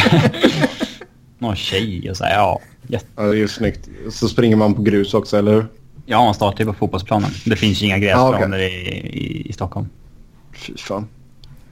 ja, det var illa. Um, att Ovechkin inte bara kan lära Wilson hur man tacklar, ja. Det är svårt att tacklas. Det, det spelas i sån jävla fart nu också. Och... Ja, det är ju fan lättare att sätta pucken i mål med ett skott än att sätta en tackling perfekt. Målet står i alla fall still. Nu har du liksom ett moving target också. Nej, exakt. Så jag har ju inget emot att tacklingarna blir färre. Eh, vill man ha en helt, vad säger man, tacklingslös hockey, det vill man ju inte heller ha. Nej, verkligen inte. Uh, utan man tilltalas givetvis av det fysiska och kampen och sånt här. Jag tycker bara det ska, att... Det ska inte bli bandy av det hela. Nej, men jag tycker liksom bara att uh, det viktiga är ju trots allt finliret och, och målen och dribblingarna och uh, klapp-klappspel och så vidare och så vidare. Det är ju det som tilltalar mig mest och inte kampen och det fysiska. Även om det har sin charm också såklart. Ja. Sen är ju frågan alltså behärskar spelarna det så som eh, idrotten ser ut idag? Man alltså kanske det... till och med kan argumentera seriöst och logiskt för att man borde plocka bort uh, typ open ice hits eller något sånt där. Tänk om vi hade lyft den debatten i podden för fem år sedan. Då hade mm. det tokrasat. Men eh, ja, alltså sporten utvecklas ju liksom. Det... Ja, men tacklingarna kommer väl att utvecklas med det också allt eftersom. Det är inte säkert. Alltså, det är svårt, svårt att tacklas. Eh, man ska inte vara så jävla skraj på att göra förändringar i sporten. Och hockeyn har i alla fall varit... Eh, folk tror att fotboll inte har gjort så mycket förändringar men VM 70 var det första VM att du fick byta in avbytare. Eller fick ha avbytare. Eh, det... Det var en jävligt intressant eh, gästkrönika på hockeyallsvenskan.se. I eh, måndags eller tisdags. Där eh, eh, regelansvariga eller vad han nu var för eh, Hockeyförbundet. Skrev om hur många regler det finns och eh, hur man ska förhålla sig till det och vad man kan tjäna på att kunna regelverket och sådana där saker. Den, den kan jag verkligen rekommendera att gå in och läsa. Den var, den var bra skriven. Eh, så lyssna klart på podden och sen går ni in och läser. Mm. Då pimpar vi den. Mm. Erik Lindros dröm. Jag vet faktiskt inte. Är det liksom tacklingfri hockey då eller? Han, han spelar väl Beer League Hockey nu. Han säger att det är mycket roligare än han upplevde NHL. Mm. Uh, och det... Det kan man väl förstå att det, det kan vara. Det måste vara jävligt jobbigt att hamna i det läget som, som han hamnade i. Eller som typ Crosby var på väg att hamna i. Att man vet att okej okay, nästa smäll så fan då kan det vara riktigt, riktigt grova konsekvenser. Jo. Det måste vara mm. jävligt jobbigt i skallen. Mm. Ja, fy fan. Han spelade tufft. Och åkte på en hel del också. Jo, jo, men han... Uh han led väl av att han hade varit så fysiskt överlägsen under hela sin uppväxt. Så han hade aldrig behövt ha koll på några andra för de andra bara studsade bort från honom. Jo. Och sen när han kom upp till nästa nivå så mötte han folk som var lika stora eller större och ännu mer galna. Ska vi se, nu försöker jag räkna ut här. Han är född 73. Så vid 15-16 års Jag är ålder. 45 idag. Ja, vid 15-16 års ålder så spelar han för St. Michael's Buzzers. På 37 matcher så gör han 67 poäng. Men han har även 193 utvisningsminuter. Och i slutspelet så har han 100... Fan vad många slutspelsmatcher. 27 stycken. Nu har han 155 utvisningsminuter och 48 poäng. Alltså det är... Ja. Det är väldigt svårt att säga något om det eftersom det är, det är bara hans siffror från den perioden. Jo, jo, jo. Men det är... Jag har inget att jämföra med. Det är ändå så sny snyggt facit kan jag tycka. Hans eh, bästa i NHL var 163 utvisningsminuter. Ja, men det var ju inte så vanligt på den tiden. Samtidigt som han gjorde 115 poäng. Det är snyggt. Ja, han var mäktig. Ja, det var han faktiskt. Det var. Ett riktigt eh, paket. Men det känns ju alltså eh, att ligan kommer vara tacklingsfri. Kommer ju under inga som helst omständigheter ske. Eh, alltså. Så länge, det, så, länge, så, länge, liksom. nej, men så länge den nuvarande generationen är liksom involverade. Mm. Eh, det ska väl till att generationer som är på väg upp nu när de har slutat spela hockey och det har eh, förändrats ytterligare eh, sporten då i sina grunder på något sätt. Då, då kanske man får till något sånt. Men Ja, alltså då får det ju vara att du, du börjar med att ja, du får inte tacklas förrän du är 18 eller 17 eller vad det nu kan menar, vara. man, Liksom. man, man ser ju vissa... eh, Fotbollen har ju förändrats till stor del bara på 10 år eller någonting. Ja, Du får inte nicka nu va? Nej men, eh, nej, men det, är, det är väl fortfarande eh, upp till varje distrikt eller förening eller vad fan det är. Jag vet inte. Okej. Men, men eh, jag tänkte mer tacklingar. Alltså förr kunde du hiva dig med dobbarna före och, och verkligen gå för att döda en spelare. Och hade du oflyt så fick du ett gult kort. Jo, jo, jo. Men jag gillar, ju inte, jag, gillar ju inte att vi ser färre och färre glidtacklingar. Glidtacklingar i sig är ju en konst. Det är ju om du tvingas glidtackla så har du gjort något fel. Jag fattar vad du menar och jag delar Ja. din åsikt till, till viss del. Men du har gjort något fel om du måste glidtackla. Du har placerat dig fel, du har läst spelet fel. Jaha. Inte i alla lägen. Nej, men i den absoluta majoriteten av lägena. Jo. Det finns Ja, givetvis måste ju- eh, situationer Måste där... du, komma, måste du komma och glidtackla bakifrån? Absolut, då har du gjort bort dig. Nej, men eh, även från sidan. Du kanske har placerat dig fel, du har läst det fel, du har gjort något fel. Det är min fasta Eller så, du, eller så är du din mittback och så har din ytterback gått bort sig och så är du tvungen att... Nej, det är min fasta övertygelse. Då har man gjort något fel och jag är ändå gammal mittback så... Ja. Men... eh, nej men alltså man, man ser ju ändå fotbollen har ju förändrat sig på väldigt kort tid. Från att nästan uppmuntra och glorifiera det fysiska spelet till att eh, bestraffa det. Eller förhoppningsvis bestraffa det kanske man ska säga. När det sker eh, farliga satsningar. Oavsett vad som Ja, ja händer. absolut. Det är klart att farligt spel är ju aldrig bra. Men samtidigt så har vi ju fått en epidemi med filmning och skit som har kommit. Jo, men jag tror ju inte det har ju Ja. kanske kopplat till varandra. Det vet man, vet man aldrig. Men alltså, eh, bara, bara för att återgå, alltså, Mm, cirkla tillbaka här nu. ja, om, om, om en så pass stor idrott på så kort tid ändå kan göra förhållandevis stora förändringar i, i attityd mot det fysiska spelet. Så varför ska inte en annan stor idrott kunna göra det? Sen känns det som Jo, att hockeyn har ju, är... har, de, de har ju gjort vissa steg. Alltså de tog ju bort det här med att du inte kan hooka och hålla i för mycket nu. Jo, men det, det är ju mer spelförstörande. Ja, Alltså nu snackar vi fysiska. Och tacklingar i sig. Och, och om... Jag tycker bara om, om en sån pass stor eh, världsomfattande liga kan ta eh, de gemensamma besluten på något sätt så varför skulle inte hockeyn kunna göra det? Eh, som sagt jag tror verkligen inte det kommer ske och det finns för många dinosaurier som fortfarande eh, skulle bestrida det med, med blod liksom. Jo, men alltså, men... tar du bort tacklingar helt och hållet så blir det ju en helt annan sport. Ja, det blir det kanske. Men... Uh... Det är inte tacklingarna som vi tittar på. Nej. Alltså nu försöker inte jag argumentera för att vi ska ta bort tacklingarna. Det är inte det jag vill. Men... Nej, nej men alltså det är, du, du kan väl vara Devil's Advocate. Det är väl inga problem. Ja.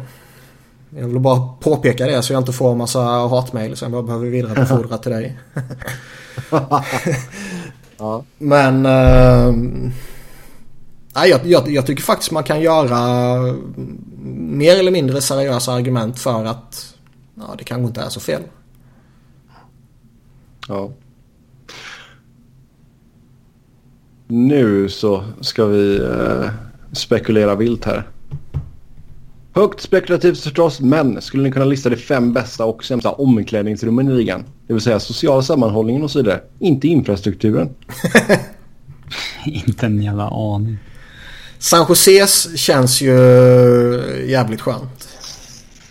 Det, det här med omklädningsrum, alltså, alltså det... Den kritiken är alltid så fånig från supportrar. Typ så här... Det är säkert framförallt Sebbe och jag har upptäckt så fort man pratar om typ Göteborg eller Djurgården att så här, men det är bra stämning på träningen. Det är alltid ja, någon som säger hur fan kan det vara bra stämning? Det ska vara liksom, det ska vara tjurigt och så vidare sen. sen, om, sen så nästa vecka då är det liksom så här att, så här, men fan, då, då snackar man om att man måste ha bra stämning och så där liksom. Om det är bråk på träningen och så där. Nej, det är alltid, vad är rätt och vad är fel? Ja, vad för typ av stämning ska man ha? För det finns ju alltid ett läge som säger att det där är bra och det andra säger att det där, det där är inte alls bra. Vi kan ju alla konstatera att man ska inte ha en stämning där eh, man önskar livet ur eh, någons ofödda barn. Nej. Men det, det, är ju, det omklädningsrummet finns ju inte kvar. Eh, och än så länge har man ju inte hört någonting om Florida. Nej. Nej men alltså som vi säger det är så jävla svårt när man inte är, är där inne liksom. Men jag säger som men, jag sa i början. San, San Jose känns ju verkligen genuint äh, jävligt skoj. Det känns som det är en liten laid back äh, Ja, de har lite sköna gubbar. Och lite sköna gubbar och, och de skojar med varandra och, och, och driver och, sådana saker liksom. Där, där känns det känns som att Karlsson passar in där också. Ja, helt klart. Och liksom med, med lite Thornton Burns i, i spetsen där. Det, det, det känns som Vilket att de har något bra där i alla fall. Vilket tror ni är mest serious? Jag har ett förslag. Ja, säg. Carolina. Boston, Boston med Bergeron och Chara och liksom den, det äldre Det är väldigt serious. Liksom. Det kan det nog vara. Uh,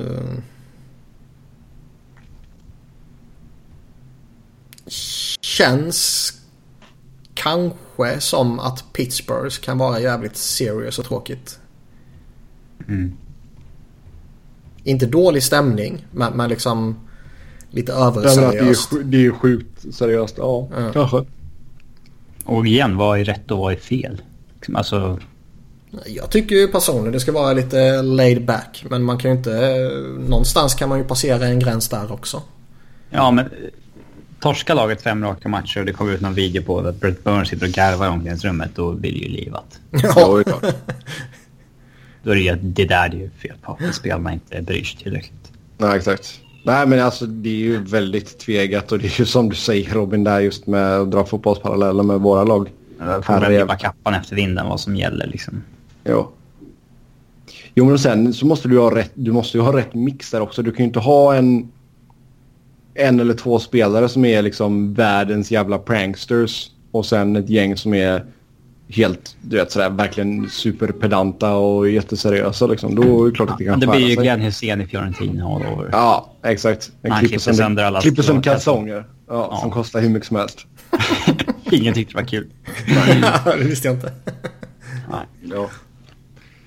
Så nej men jag, jag, jag, jag, Ja, exakt. Jag är mer inne på din linje Niklas. Att är lite laid back och lite skoj och tjo och det... man, man undrar ju hur, hur typ ett, ett omklädningsrum med... Eh, där du typ har några stora namn som tjänar jävligt mycket pengar. Men som inte är i närheten av att leva upp till sina kontrakt. Typ. Mm. Sätter det sig i omklädningsrummet tror ni? När, när du själv, när du själv liksom sitter på ett uh, League minimum. Och, och snubben jämte dig tjänar 10 miljoner och eh, är i klappkass numera. Och eh, ni ska gå ut och och käka och eh, så blir det du som åker på notan. Mm. Jo. Jag, tror att, jag tror inte att det hjälper att vi har offentliga löner för locker room dynamic. Nej, kanske inte. Eller skulle det bli ännu mer eh, kaosartat om det skulle varit hemligt? Ja, att man skulle gå och tissla och tassla om det. Ja, Ja. kanske. Jag vet inte. Nej, men sen det är ju grejen också alltså just som... Där tror jag också det kan skilja väldigt mycket från lag till lag hur person, alltså just de här superstjärnorna, de som tjänar jävligt mycket, hur de är också. För jag menar, hade jag tjänat 10 miljoner dollar om året så hade jag nog varit mer eh, liksom inclined och liksom, ja men gubbar, jag tar denna. Det Nej, är, inte liksom, det är lugnt. Än att, än att man ska köra att Ja, men nu är det så att nu Yngst kör vi det här. betalar. Ja. Nej, men nu, kör- ja, liksom, nu kör vi den här att alla lägger kortet i hatten och så eh, drar man liksom. Och så åker någon Det kan man göra sig. om alla har råd såklart. Det blir bara en Jo. kul grej. Ja, oftast är det ju inga problem. Men eh, ändå liksom. Ja, men sen vet man ju inte liksom hur... Alltså det kan ju gå jävligt stökigt till med rookie-middagarna också. Verkar det som. Äger de fortfarande rum? Känns inte det lite förlegat? Jag tror de fortfarande äger rum. Bara det att de är jävligt mycket mer städade. Ja. Mm. ja de lär ha varit jävligt stökiga eh, om vi går tillbaka några år. Ja, det har man ju hört stories om att way back in the years hur, hur sjukt det kunde vara för rookies. Ja. ja Men... De eh, känner inte jättebra rookies. Alltså det... Nej. Ja, det är fint. vad, ni vad har vi mer som skulle kunna påverka? Alltså jag tror coachen spelar nog in här också. Har du en coach? Nationaliteter tror jag spelar in. Ja, det är klart. Alltså har du... Men jag tror ändå så att där är, är det väl ändå så att man kör... Alltså i, är du i omklädningsrummet så kör vi engelska liksom. Ja, det Ja, har jag blivit utskälld för. Mm. men... eh, alltså, Men sen är det klart, alltså har du två, två svenska spelare som sitter bredvid varandra i omklädningsrummet, fan de kommer snacka svenska med varandra. Alltså det tycker jag inte man ska göra. Det tycker jag mm, spelare till spelare eller coacher och allt sånt där. Där, tycker, där ska det ju vara engelska. Under förutsättning givetvis att spelarna behärskar engelska. Om, om det kommer någon som inte förstår engelska, vilket det sker titt som tätt. Då måste de ju få prata ryska eller svenska eller finska med honom. Jo. Eh, men annars tycker Panarin, jag ju... kör, Panarin har ju alltid en tolk med sig. Kan jag ju, eller ja, det är väl allmänt känt kanske. Men det tycker jag är lite roligt ändå att han är... inte Ja, Nej, nej, men att han, han är inne på vad? År fyra nu liksom. Ja, det är intressant. Ändå vill han flytta till någon flashigare stad. Ja. Kanske Eller så gör han som Pavel Datsjuk och bara fejkar att han... Uh, egentligen är han jättebra på engelska men uh, låtsas att han är lite dålig så han hoppas ska kunna slippa lite intervjuer. Ja. Nej, nej, utan det går via tolken hela tiden. Men, men. Men visst, alltså typ coachens gullepojkar. Ja. Det kan inte vara så att coachen gillar samma spelare som spelarna gillar. Cody McLeod liksom. Mm. De är ju omtyckta av laget. Mm. Alla liksom. Jo, det är alltså. Ja, vi går vidare. Vad tror ni kommer bli de viktigaste frågorna i nästa CBA-avtal? Signing bonusar tror jag. Signing bonusar, absolut. Uh, revenue share-grejen lär väl dras Ja, upp igen. skäll, skällsordets escrow. Mm. Det kommer att vara de gamla klassiska. Eh, jag kommer ihåg vi pratade för några veckor sedan om typ OS och, och varför det är en sån viktig del när det ändå är en relativt liten del av hela facket som faktiskt involveras i OS. Mm.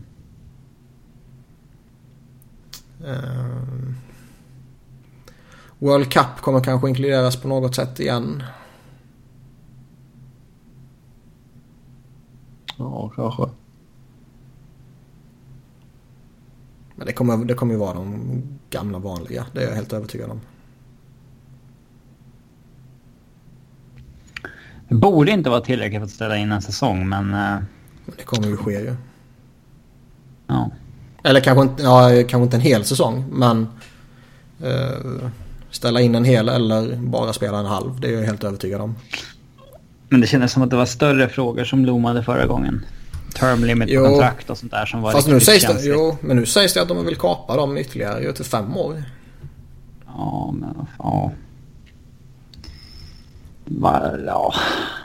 Det känns ju som att det, det, det kommer vara de gamla klassiska grejerna som, som de kommer bråka om. Och sen skulle man ju inte bli förvånad om det kom upp något nytt. Uh, om jag var spelare faktiskt skulle jag slåss över att få spela förbi RFAs tidigare än de är idag. Ja. Mm. Oh ja. Det har ju redan sänkts från 31 till 27 va? Eller om man har gjort 8 år i ligan tror jag. Men mm. eh, det...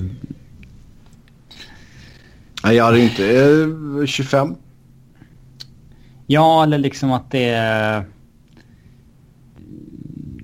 Men det där är väl alltså kanske lite andra gammalt. kontrakt eller någonting. Alltså ja. efter det så är det... Som man inte... Eller något sånt. Men det där är väl lite gammalt också att det hänger kvar att kanske att ja, men förr om åren så det var då du gick in i din prime. Nu går man ju in i sin prime när man är avsevärt mycket yngre. Mm. Mm. Jag har inte haft någonting emot att se det sänkas. Verkligen inte. Kör UFA direkt. Vad ska du ha RFA för? Alltså jag tycker ändå, jag tycker ändå det är fair. Jag gillar ändå draften och lite det, den delen av sporten.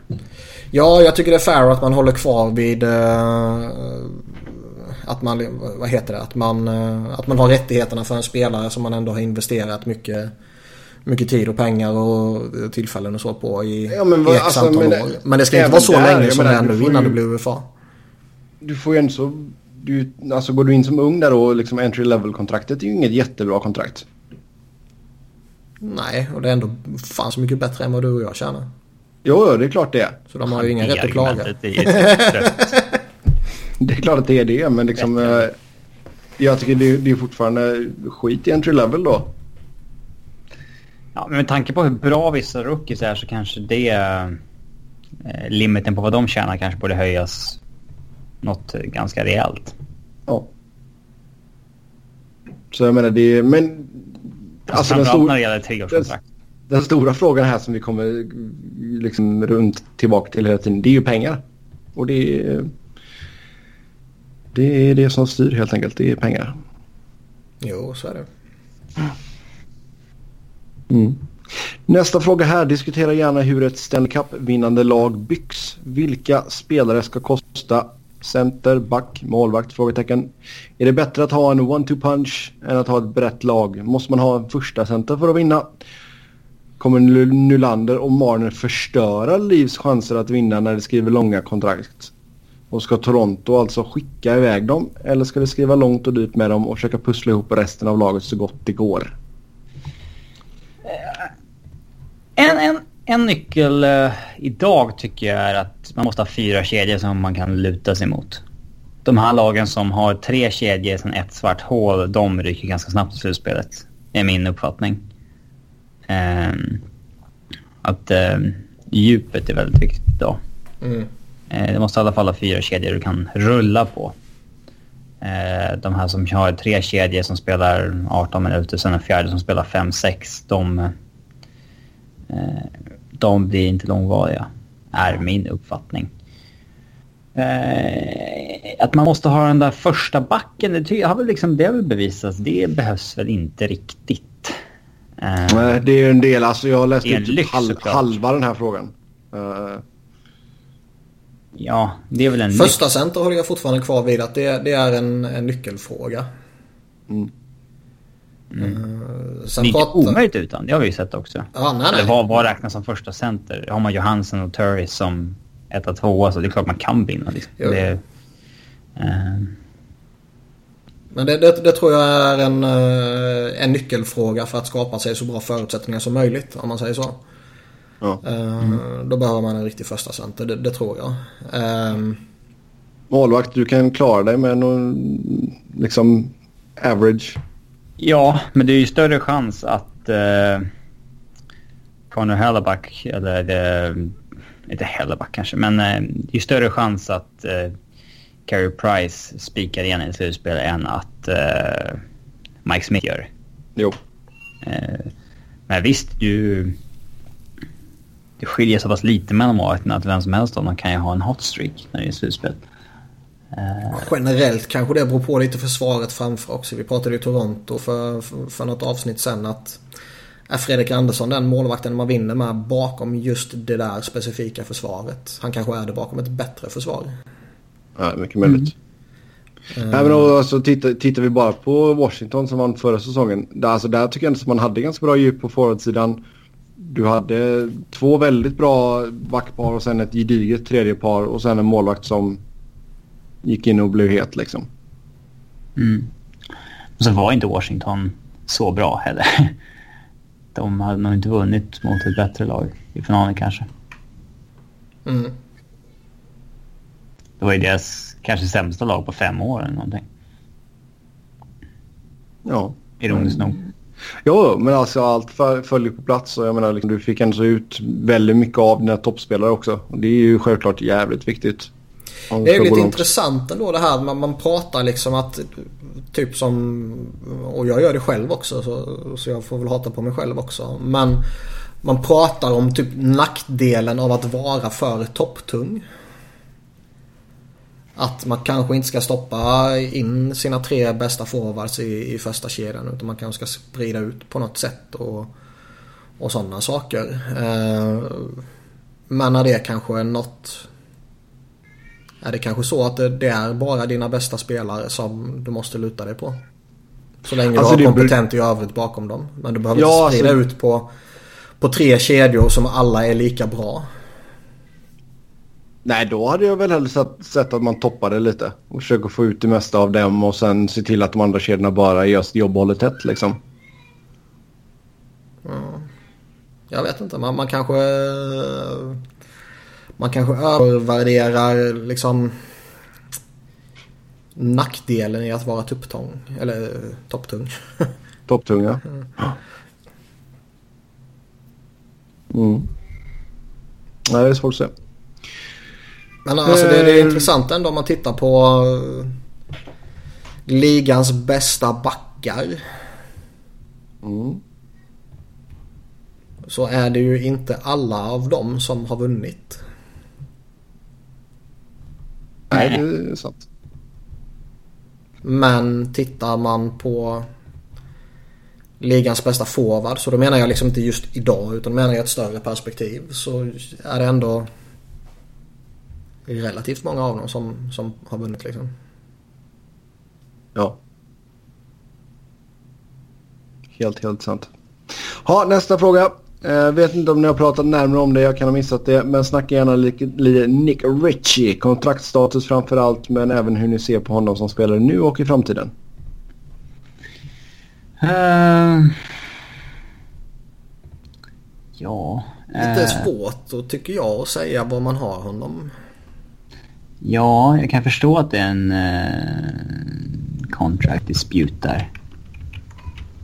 Uh, nu sa väl Bob McKenzie igår att det, det ser ut som det börjar lösa sig. Ja. Ja. Dags behöver ju få lite kroppar. Just nu har man väl det laget med flest spelare på long term injury reserve, nio stycken. Ja, men man toppar ändå Pacific. Ja, visar bara på hur extremt dålig Pacific är. Kanske. Nej, men jag tycker han är svår. Jag tycker å ena sidan så är det ju en attraktiv spelare. Uh, å andra sidan så... Han har inte åstadkommit så jävla mycket alltså. Nej, verkligen inte.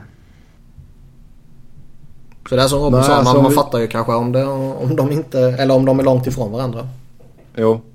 Jo, speciellt om du alltså, jämför lite där med vilka andra spelare som gick samma år som honom. Så är det många som hunnit bevisa mycket mer.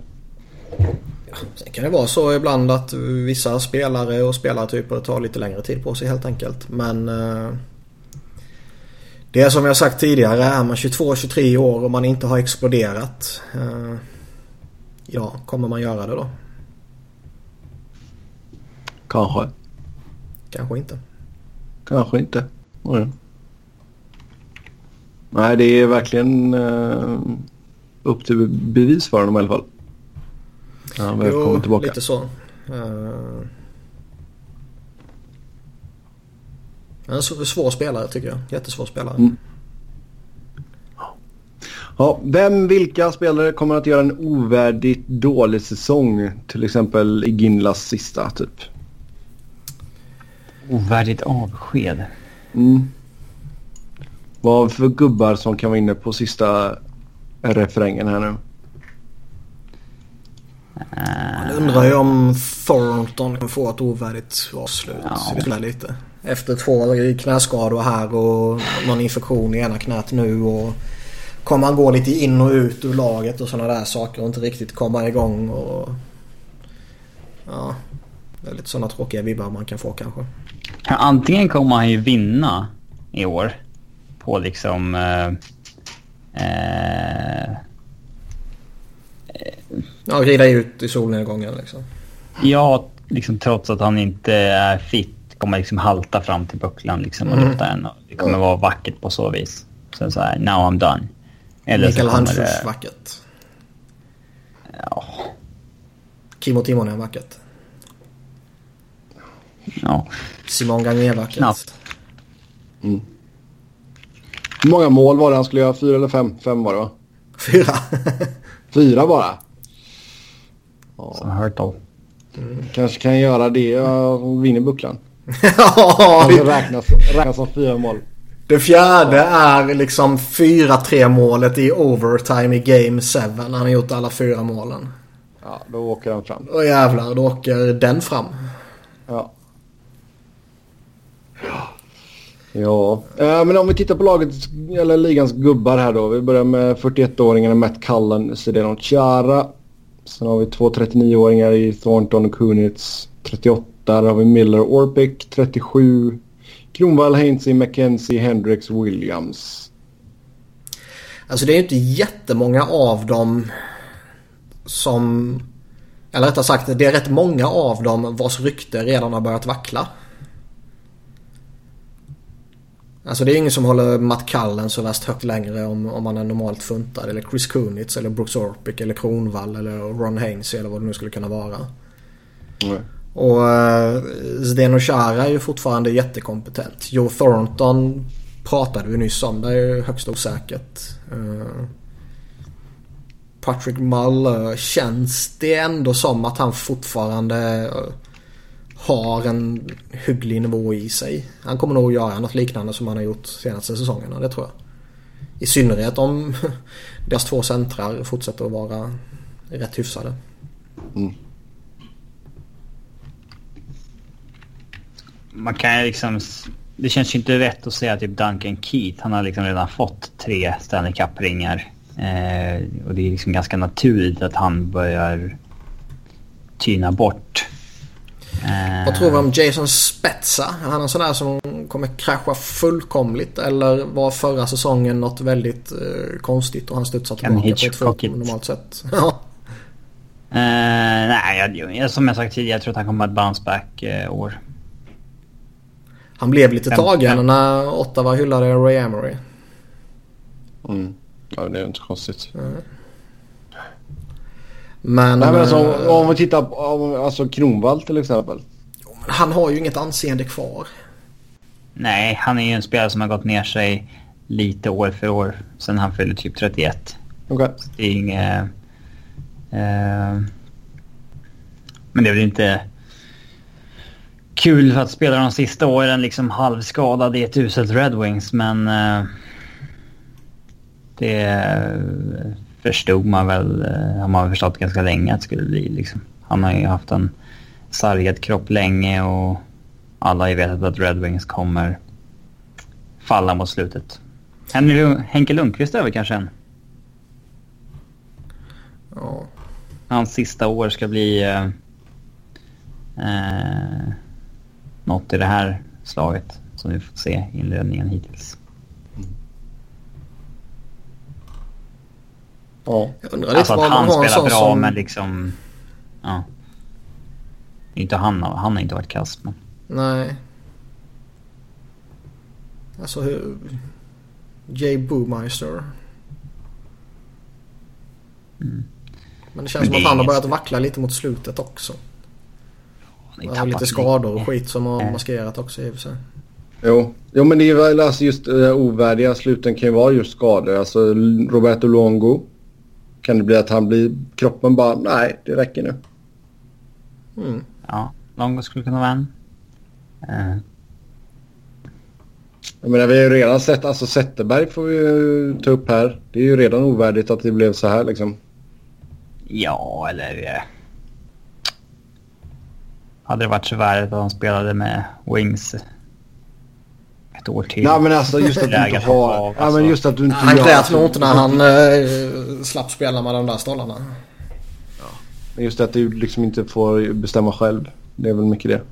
Jo, men alltså det är det ändå skillnad. Han, även om han hade problem så lirade han ju ändå regelbundet in i slutet. Då är det ju mer ovärdigt att eh, Alltså, gå in och ut slutar. och hackas och så typ Jagger liksom. Mm. Eh, eller någon sån där typ Chris Pronger, någon jävla freak accident. Jo. Ja. Stackars Johan Franzén. Jo, Så, men det, det finns ju ingen spelare som är 35 plus med 1000 matcher i ryggen som inte ja, kommer sluta på grund av grejer. eh, Ja. och nämna liksom att kroppen är sargad som en anledning. Det, han, Ja. det handlar väldigt mycket om bara hur mycket det tas upp egentligen. Liksom. Att det är på grund av det man slutar. Jo. Det är sånt. Ja. Det är nog sjukt att Mark Giordano är ligans 23 äldsta spelare. Mm. Ja. Av utespelarna då. Vem har flest matcher Och han är bara aktiva 35. spelare?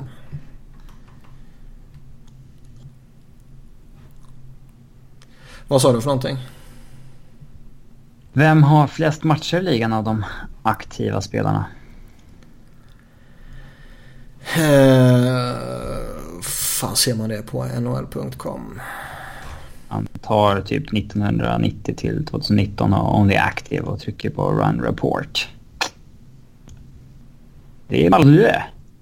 Vad säger du? Only active. Ja, man får ju öppna den här uh, Refine Results och sen så under Experience plus Status får man trycka på Active. Inte Only Active. Ja, ah, där. All time. Matt Cullen är hack i häl där. Håller han några år till. Ja, Marian Hossa står med som aktiv i och för sig. Bugg. Mm. Men vad Malmö sa är alltså den enda över 1500 matcher. Ja, och det var är sämre Thornton som var i närheten egentligen. Ovechkin passerar 1000 nu också. Kallen är väl ändå i närheten eller 15 match, 50 matcher till. Det är ju, alltså, han kan ju mycket väl inte ta sig förbi 1500 denna säsongen. Det är inte... Det känns inte som att det är jättemånga som har 1500 i kikan. Dustin Brown. Ja. Nej, men vad kan det vara som ligger där uppe? Och kan Ovechkin ha 500 matcher till i sig? Ja, det tror jag man har i och för sig. Chara bör väl passera 1500. Ja, han behöver göra den här säsongen sen en till.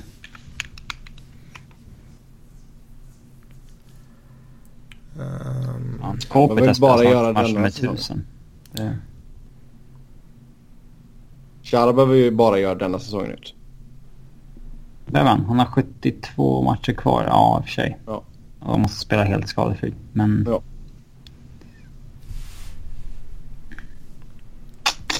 Ja. Ja.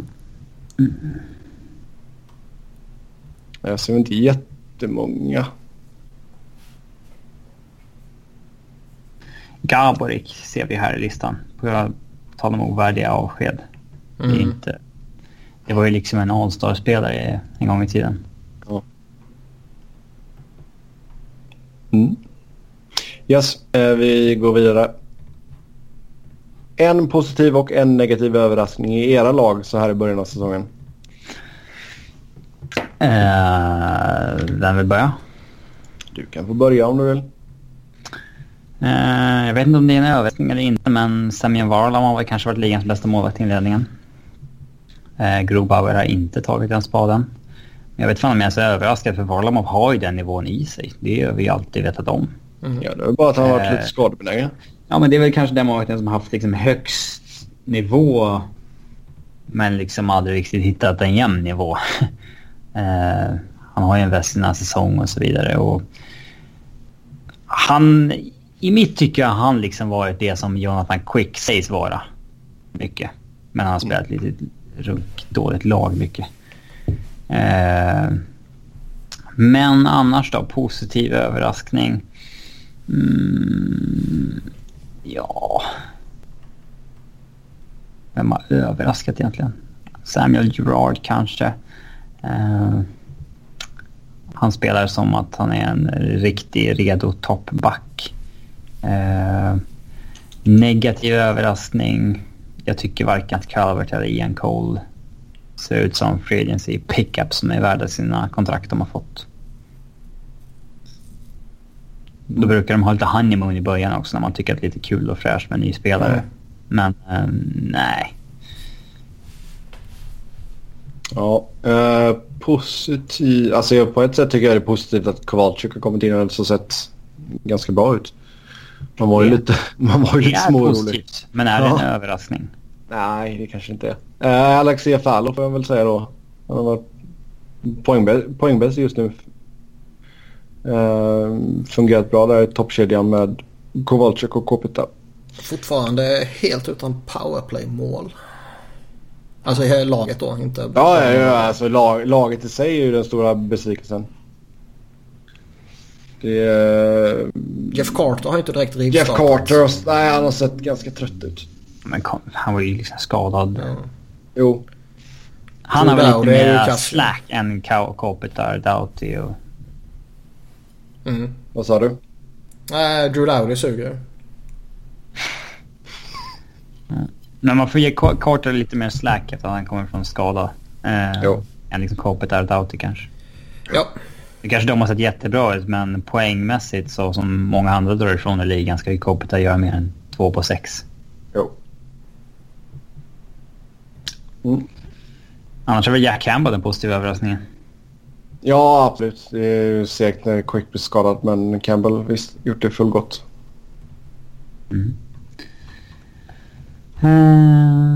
Soup. Som han kallas. Soup. Han kallas för Soup. Campbell. Alltså Campbell soppa? Soup. Ja. Varför det? Campbells är ju väldigt stort. Ser ut som det Soup-Nazi. Sopp, ja. Har ni Campbells Soup i Sverige? Det måste ni ha va?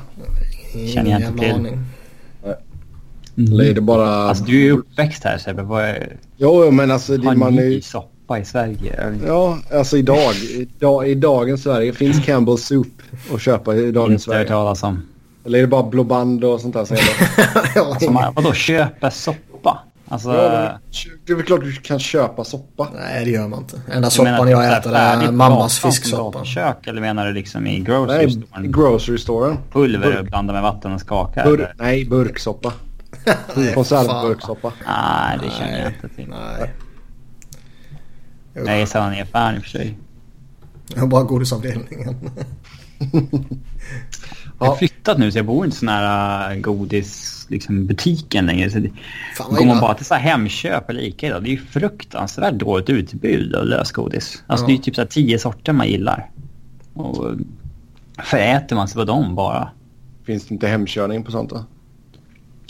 Ja, jag har ju en hemsida jag beställer läsk ifrån nu. Eh... Så du slipper bära? Ja, men alltså det är jobbigt att gå en gång om... Inte dagen höll jag på att säga, men eh, ett par gånger i veckan och köpa tio pack burkar liksom från Hemköp. Nu beställde jag fyra, fyra flak. Ja, det har varit, jag har beställt fyra flak en i månaden sedan jag flyttade hit. Det är liksom... Eh, det är 24, inte hälsosamt. 24 burkar gånger fyra. Eh, blir väl 96 burkar i månaden. Det är mycket. eh, när man tänker efter. Men vissa dagar i somras när det var gräsverk så drack man typ 10 om dagen. Eh, vad pratade vi om? Just det, godis. uh, ja, den hemsidan kan man beställa godis. Men det känns lite suspekt. Det är så här, man klickar i vilka sorter man vill ha en skopa av. Hur mycket är deras skopor liksom? Jo, men vad, kan, du inte, kan du inte bara beställa en hel låda av någonting då? Du beställer en låda av dina tio favoritsorter. Inte om man kan det. Ja, men det måste du väl kunna köpa en hel låda. Det behöver inte vara några problem. Då har du helgen räddad. För det vet jag alltså när jag har fått fin besök av Petter Fritz här så har han haft med sig en hel sån lodda med uh, lakritsbalkar till mig. Lakrits? Balkar? Ja, de här salta... Ja. Salta barkarna. Fan vad goda de är. Man, kunde, man använde, ja, använde dem som sugrör när man var liten. Man stoppade ner i kolan och så, och så smakade det saltlakritskola. Prova. Den blir ju slemmig som fan efter ett tag, men... Tips från coachen där. Ja, eh, Niklas. Positivt och negativt i Philly. Negativt är väl Ivan Provorov. Ja, Som... sex matcher, noll poäng, minus five. Ja, alltså, nu, nu är det väl inte produktionen som, som jag går på där utan det är mer att han har inte varit den där superba tvåvägsbacken, en av de bättre i ligan som han var förra säsongen. Sen nu har i och för sig backparet med han och, och, Ghost inte fungerat lika bra tillsammans. Förra säsongen var de ett av ligans bästa backpar och har varit lite skakigt hittills. Men ska man bara ta en individ så är det ju Ivan Provorov. Mm. Eh, Overall målvaktsspelet har väl inte varit fenomenalt heller. Nej, men verkligen inte. Men sen samtidigt så... Överraskning? Nej. Nej, det är inte chockerande och, och liksom Elliot Ja, han har ju inte alls varit bra hittills till exempel. Jag, jag tror han har 5 on 5 save percentage på uh, under 90. Har jag för mig det var när jag kollade. Totalt har han 87,4 i alla fall. Ja. Men, ja. Och 89,66 i 5 mot 5 på, på fem matcher. Det, det är inte överjävligt bra eh, direkt om man jämför dem med när han låg strax bakom toppskiktet i ligan förra året liksom. Men, men han kom tillbaka från... Han opererade magmuskeln i, i våras och, och höften i somras och, och, var redo att köra först väldigt sent under training camp. Så att han är lite segstartad det hade man väl typ räknat med. Så det... Picards två matcher, har han sett ut? Har vi vunnit bägge men han har ju släppt in mycket mål eller? ja, han har ju avlöst Elliot i någon match och så här också. Och det är ju... Vad fan ska man säga? Han är väl hygglig målvakt i den rollen liksom. Jag tycker Elliot har ju... Det är ju Elliot som ska vara första målvakten. Mm. Men eh, Picard eller Mikael Neuwer som backup det gör mig ju skitsamma. Har vi någon positiv överraskning? Nej. Helt ärligt så satt jag faktiskt och funderade på det. Finns det någon positiv överraskning? Och den jag landar i är ju typ Scott Lafton. Som har sett bra ut. Han har pytsat lite och, och, och så här. Men... Poängmässigt kan man väl säga Godas fem poäng. Ja, det inte det. Poängbästa eh, backen Radko ja. Godas. Ja, nej, men han, han har varit... Matcher, men, ja. Absolut. Godas har varit uh, stabil och, och sådär. Men... Uh, Good har varit good. Uh -huh. Men jag, jag, jag skulle nog ändå landa på uh, Scott Lafton. Mm. Han har ändå gjort det, uh, alltså Gudas har ju ändå gjort det tillsammans med Travis Sunheim. Så då finns det ju ändå viss, viss uh, förståelse för att det går bra. Medan Scott Lafton har, ja, han har härjat med allt möjligt där nere. Ja. Yes. Wayne Simmons, fem mål på sex matcher. Jo, men det är två stycken tvåmålsmatcher som... som... De gills inte. Nej, men någonstans Nej, men... är det ju ändå... Det är skillnad på att göra fem mål i fem olika matcher. Jo. Men, men visst, ja. Simmons har väl varit... Uh, han ser ju fräschare ut än vad han gjorde förra året. Mm. Det mest absurda av allting är ju i jakten på att försöka få eh, ett PK som är bättre så har man börjat spela Dale Weese i PK regelbundet. Jaha. Han snittar mer per match den här säsongen än vad han har spelat totalt. Uh, under de två föregående säsongerna. Fint. Yes, då lämnar vi frågan. Mm. Uh, nästa fråga. När ryker Blashill? Laget må vara kass, så men nog fan ska man kunna begära ett bättre lagspel. Detroit Red Wings coachen alltså. Jag, jag är svårt, jag är svårt att veta om jag ska ställa mig i campet om att Lashley är en bra coach med ett dåligt lag eller om det är en dålig coach i ett dåligt lag han borde byta. Jag vet inte. Det är skitsvårt att veta om en coach är bra eller inte. Alltså det... Mm. Alltså har det, har det inte börjat... Eh, det snackas lite om att han inte är så jävla omtyckt. Att det är lite för mycket uh, Babcock-stilen utan att kunna backa upp med att Resultat. vi vinner liksom. Mm. Ja, men liksom... Det där kan man också prata om. Ska en coach vara omtyckt? Liksom vad... Han ska ju inte vara avskydd i alla fall. En coach ska vara respekterad. Ja, men ligans mest avskydda coach genom tiden är väl Scotty Rowe. Liksom. Jo, men respekten finns väl fortfarande? Förmodligen, men... Uh, ja. Det är väl inte så bra om man har en uh, inte omtyckt coach. Nej. Sen är det väl... Uh, Alltså Blashill var en coach på uppgång som de hade trott på länge så, där, så jag vet inte, de kommer överge honom. Han var ju och, alltså, the, the next big thing. Ja, Detroit har ju liksom varit bra på att fostra hockeystaff så att säga. Både assistant GMs och GMs och assisterande coacher och coacher runt om i ligan. Många har ju varit i, mm. i Detroit. Ja. Uh, men uh, vad ska man liksom... Uh, har de någon an... Ska de liksom ge upp på honom helt? Det känns...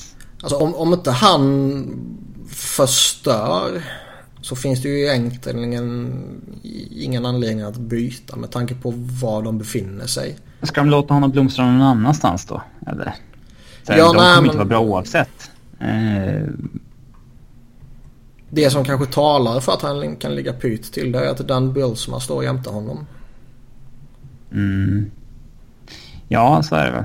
Det kanske är dags att Detroit tar deras rebuild coach nu så att säga. Den de har accepterat att de torskar med i tre, fyra år innan de plockar in den nya.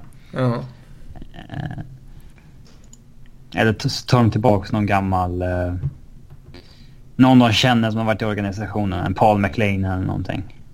Eh, Satt att bli coach. Valrossen. Uh, Ja.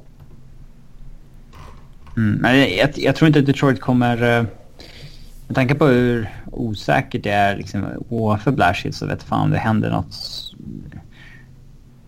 Ingen vet väl riktigt om det är Ken Holland som kommer bestämma där kommande säsong eller om det är Steve Eisenberg. Mm. Nej, kommer det alltså, skulle komma in en ny GM så visst, då kan det nog kanske bli eh, byte på tränarposten också. Fast då blir det ju lite naturligt. Ja. ja. Absolut. Ja, men om Ken Holland, det snackas ju väl, det snackas väl lite om Seattle och Ken Holland liksom. Mm. att... Eh, kommer Ken Holland vara där och peta om han vet att det kanske inte ens är han som styr nästa år? Jag tror inte det då. Eller kommer han sparka Jeff Blassill för att han vill ha honom i Seattle? Ja, jag tänkte... Lyfta det känns lite larvigt. Alltså. Sin sista dag på jobbet bara, nej, Blassill vill få kicken. Mm. Ja. Så sparkar han eh, Håkan Andersson och så sparkar han eh, alla andra sådana här respekterade snubbar sista dagen på jobbet. Sen sticker han. Mm. Och så anställer mm. han dem dagen efter i Seattle. Ja, det var snyggt. De har, alltså, de har ju Daniel Cleary är Director of Player Development. Samma sak med Sean Horkoff är där. Jiri Fisher, Mark Ho. Kirk Maltbys How heter How, ja, skitsamma. Kirk Maltby, Chris Draper. Uh, det finns några sådana gamla. Mm. Jim Devillano är fortfarande VP of Hockey Ops. Han var liksom GM i... Uh, han jobbade för scout för St. Louis på 60-talet. Det har hänt en del sedan dess. Mm. Ja, eh, nästa fråga. Varför får Sebbe aldrig snacka om sitt fantasylag? Väldigt bra fråga. Väldigt För väldigt att vi fråga. hatar Sebbe. Tycker det eh, borde vara ett stående inslag varje vecka att vi tittar in på hur mitt fantasylag går. Eh, tyvärr så har jag börjat säsongen med en förlust. Fick stor pisk av... Är det nu jag ska trycka på paus i inspelningen? nej, nej, nej. Det är klart du inte ska göra det. Utan nu ska vi titta hur det går för Sebbe här. Fick stor pisk av eh, laget som hette Love and Sausages. Eh, denna veckan så spelar jag... Vad heter ditt lag då? Tre Rocky. Mountain Extreme? Nej, tre, tre kronor heter mitt lag. Men gud vad fint. Ja. Eh, Denna veckan spelar jag mot Jamies Swag Team. Eh, Just nu ligger jag under med 13 poäng. Förhoppningsvis så kan vi eh, vända på skutan här. Jag behöver till exempel att Ghostis Bear spelar lite bättre. Det har Eh, jag också. Brian Elliott får gärna vinna någon match. Ska vi gå igenom hela mitt lag eller? Nej. Men det är, det är så jävla trist när poddar nämner liksom hur det går för deras fantasylag och sådär. För det är så här, Det är bara den här eh, äh, gnälla över att någon spelare varit dålig för att man har i sitt lag. Eller liksom... Eh, äh, gnälla... Äh, eh, Ta upp det här att så fort jag tar in någon i laget så går det dåligt för den. Eh, jinxar, haha. Liksom så här. Ja, Det gjorde jag ju med Elliott i och för sig. ja, vuxna människor som pratar om jinx i offentliga sammanhang. Snälla någon. Tyvärr så har jag både Elias Pettersson och Nylander på IR plus nu. Men, Så är det med det. Eh, Vi tittar in eh, nästa vecka. Ser vi hur det gick för mig mot Jamie Swag. Ja, visst. Petter är med i ligan också. Hans lag heter Mother Puckers. Oj, oj, oj. Eh, sista frågan för idag. Om World Cup spelades imorgon och ni coachar Team North America, hur hade ert lag sett? Nu ska vi ta ut lag här. Team North America. Go! I mål ska vi ta ut, ja vi tar ut två målvakter då. Ja, det får vi väl göra. Mm.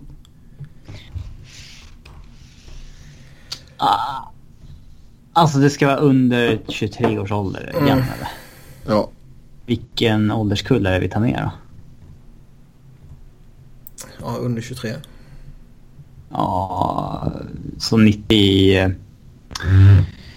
97 och uppåt eller? Gå in eller på 90 EP bara och gå in på poängligan och sortera U23. Ja, right. Och vad hade vi? Vi hade målvakter. Eh, Mm. Alexander Georgiev är den enda som kom upp. Det känns ju inte särskilt aktuellt. Mm, nej. Vad heter han som sägs vara... Carter Hart. Mesta må, bästa målvakten utanför NHL som spelade i KHL som gick, Carter gick Hart. Ehm, Carter vad Hart. heter han? Eh, Han som gick till Colorado. nej, alltså en ung målvakt. Ja, undrar hur det går för han förresten. Jag har inte sett ett bild på. Men det var väl ingen kanadensare eller amerikan? Nej, just det. Samsonov tänker du på? Ja, förmodligen. För du började snacka om Georgiev. Ja. Nej, det var den Eh, enda U23an ju. Ja. Ja. Men då är det ju Carter Hart ju.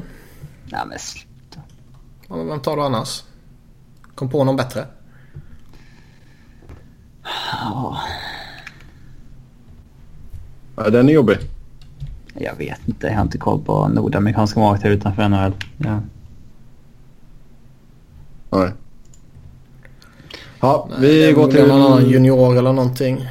Ja, Eh, vi, vi går till backarna istället då. Sju, sju stycken tack. Ja, jag kommer fan inte på någon... Eh, eh, någon målvakt faktiskt. Jag har backar. Eh, Skit i målvakten. Nu nu har vi gått vidare. Vi ska ha sju backar. Charlie McAvoy får man väl peta in. Ja, McAvoy. Werenski, Seth Jones. Thomas Chabot. Chabot ska med tycker jag baserat på hur jävla bra han har varit hittills. Fan, det är, alltså det är fan mördande konkurrens faktiskt. Man kanske ska lugna sig med hur många namn man slänger fram. Aaron Eckblad. Men vad har vi? Vi har McAvoy, Chabot. Det är två stycken. Vi hade ja, Baranski och Jones. Då är vi uppe i ja. fyra. Ja. Ekblad vill vi alla ha med va? Då är vi uppe i fem. Mm. Sen har vi Sergachev, Dahlin, Gerard. Det är fortfarande bara Nordamerika. Ja, ja just det. Jag orkar inte lyssna längre. Men Gerard, visst. Carlo ska vi kanske med då. Brendan Carlo. Carlo. Uh... Hannefin. Sandheim.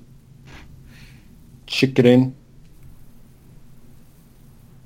Mm, det hade väl Gerard, det hade Chikrin. Jag har tagit med Gerard. Nurse.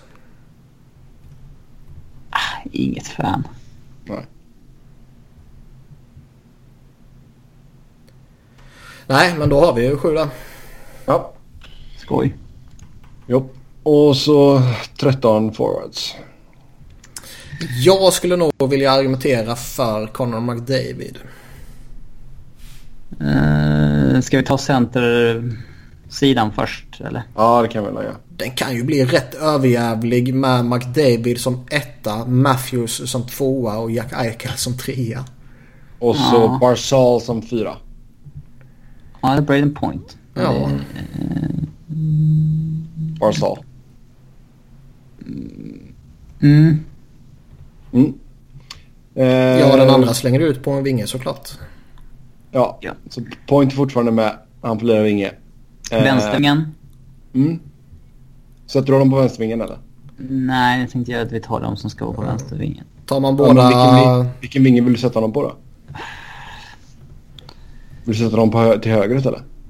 Ja, han är väl right skytt så det var det ja. jag tänkte på spontant. Ja, visst. Men eh, tar man med båda Fatchucks?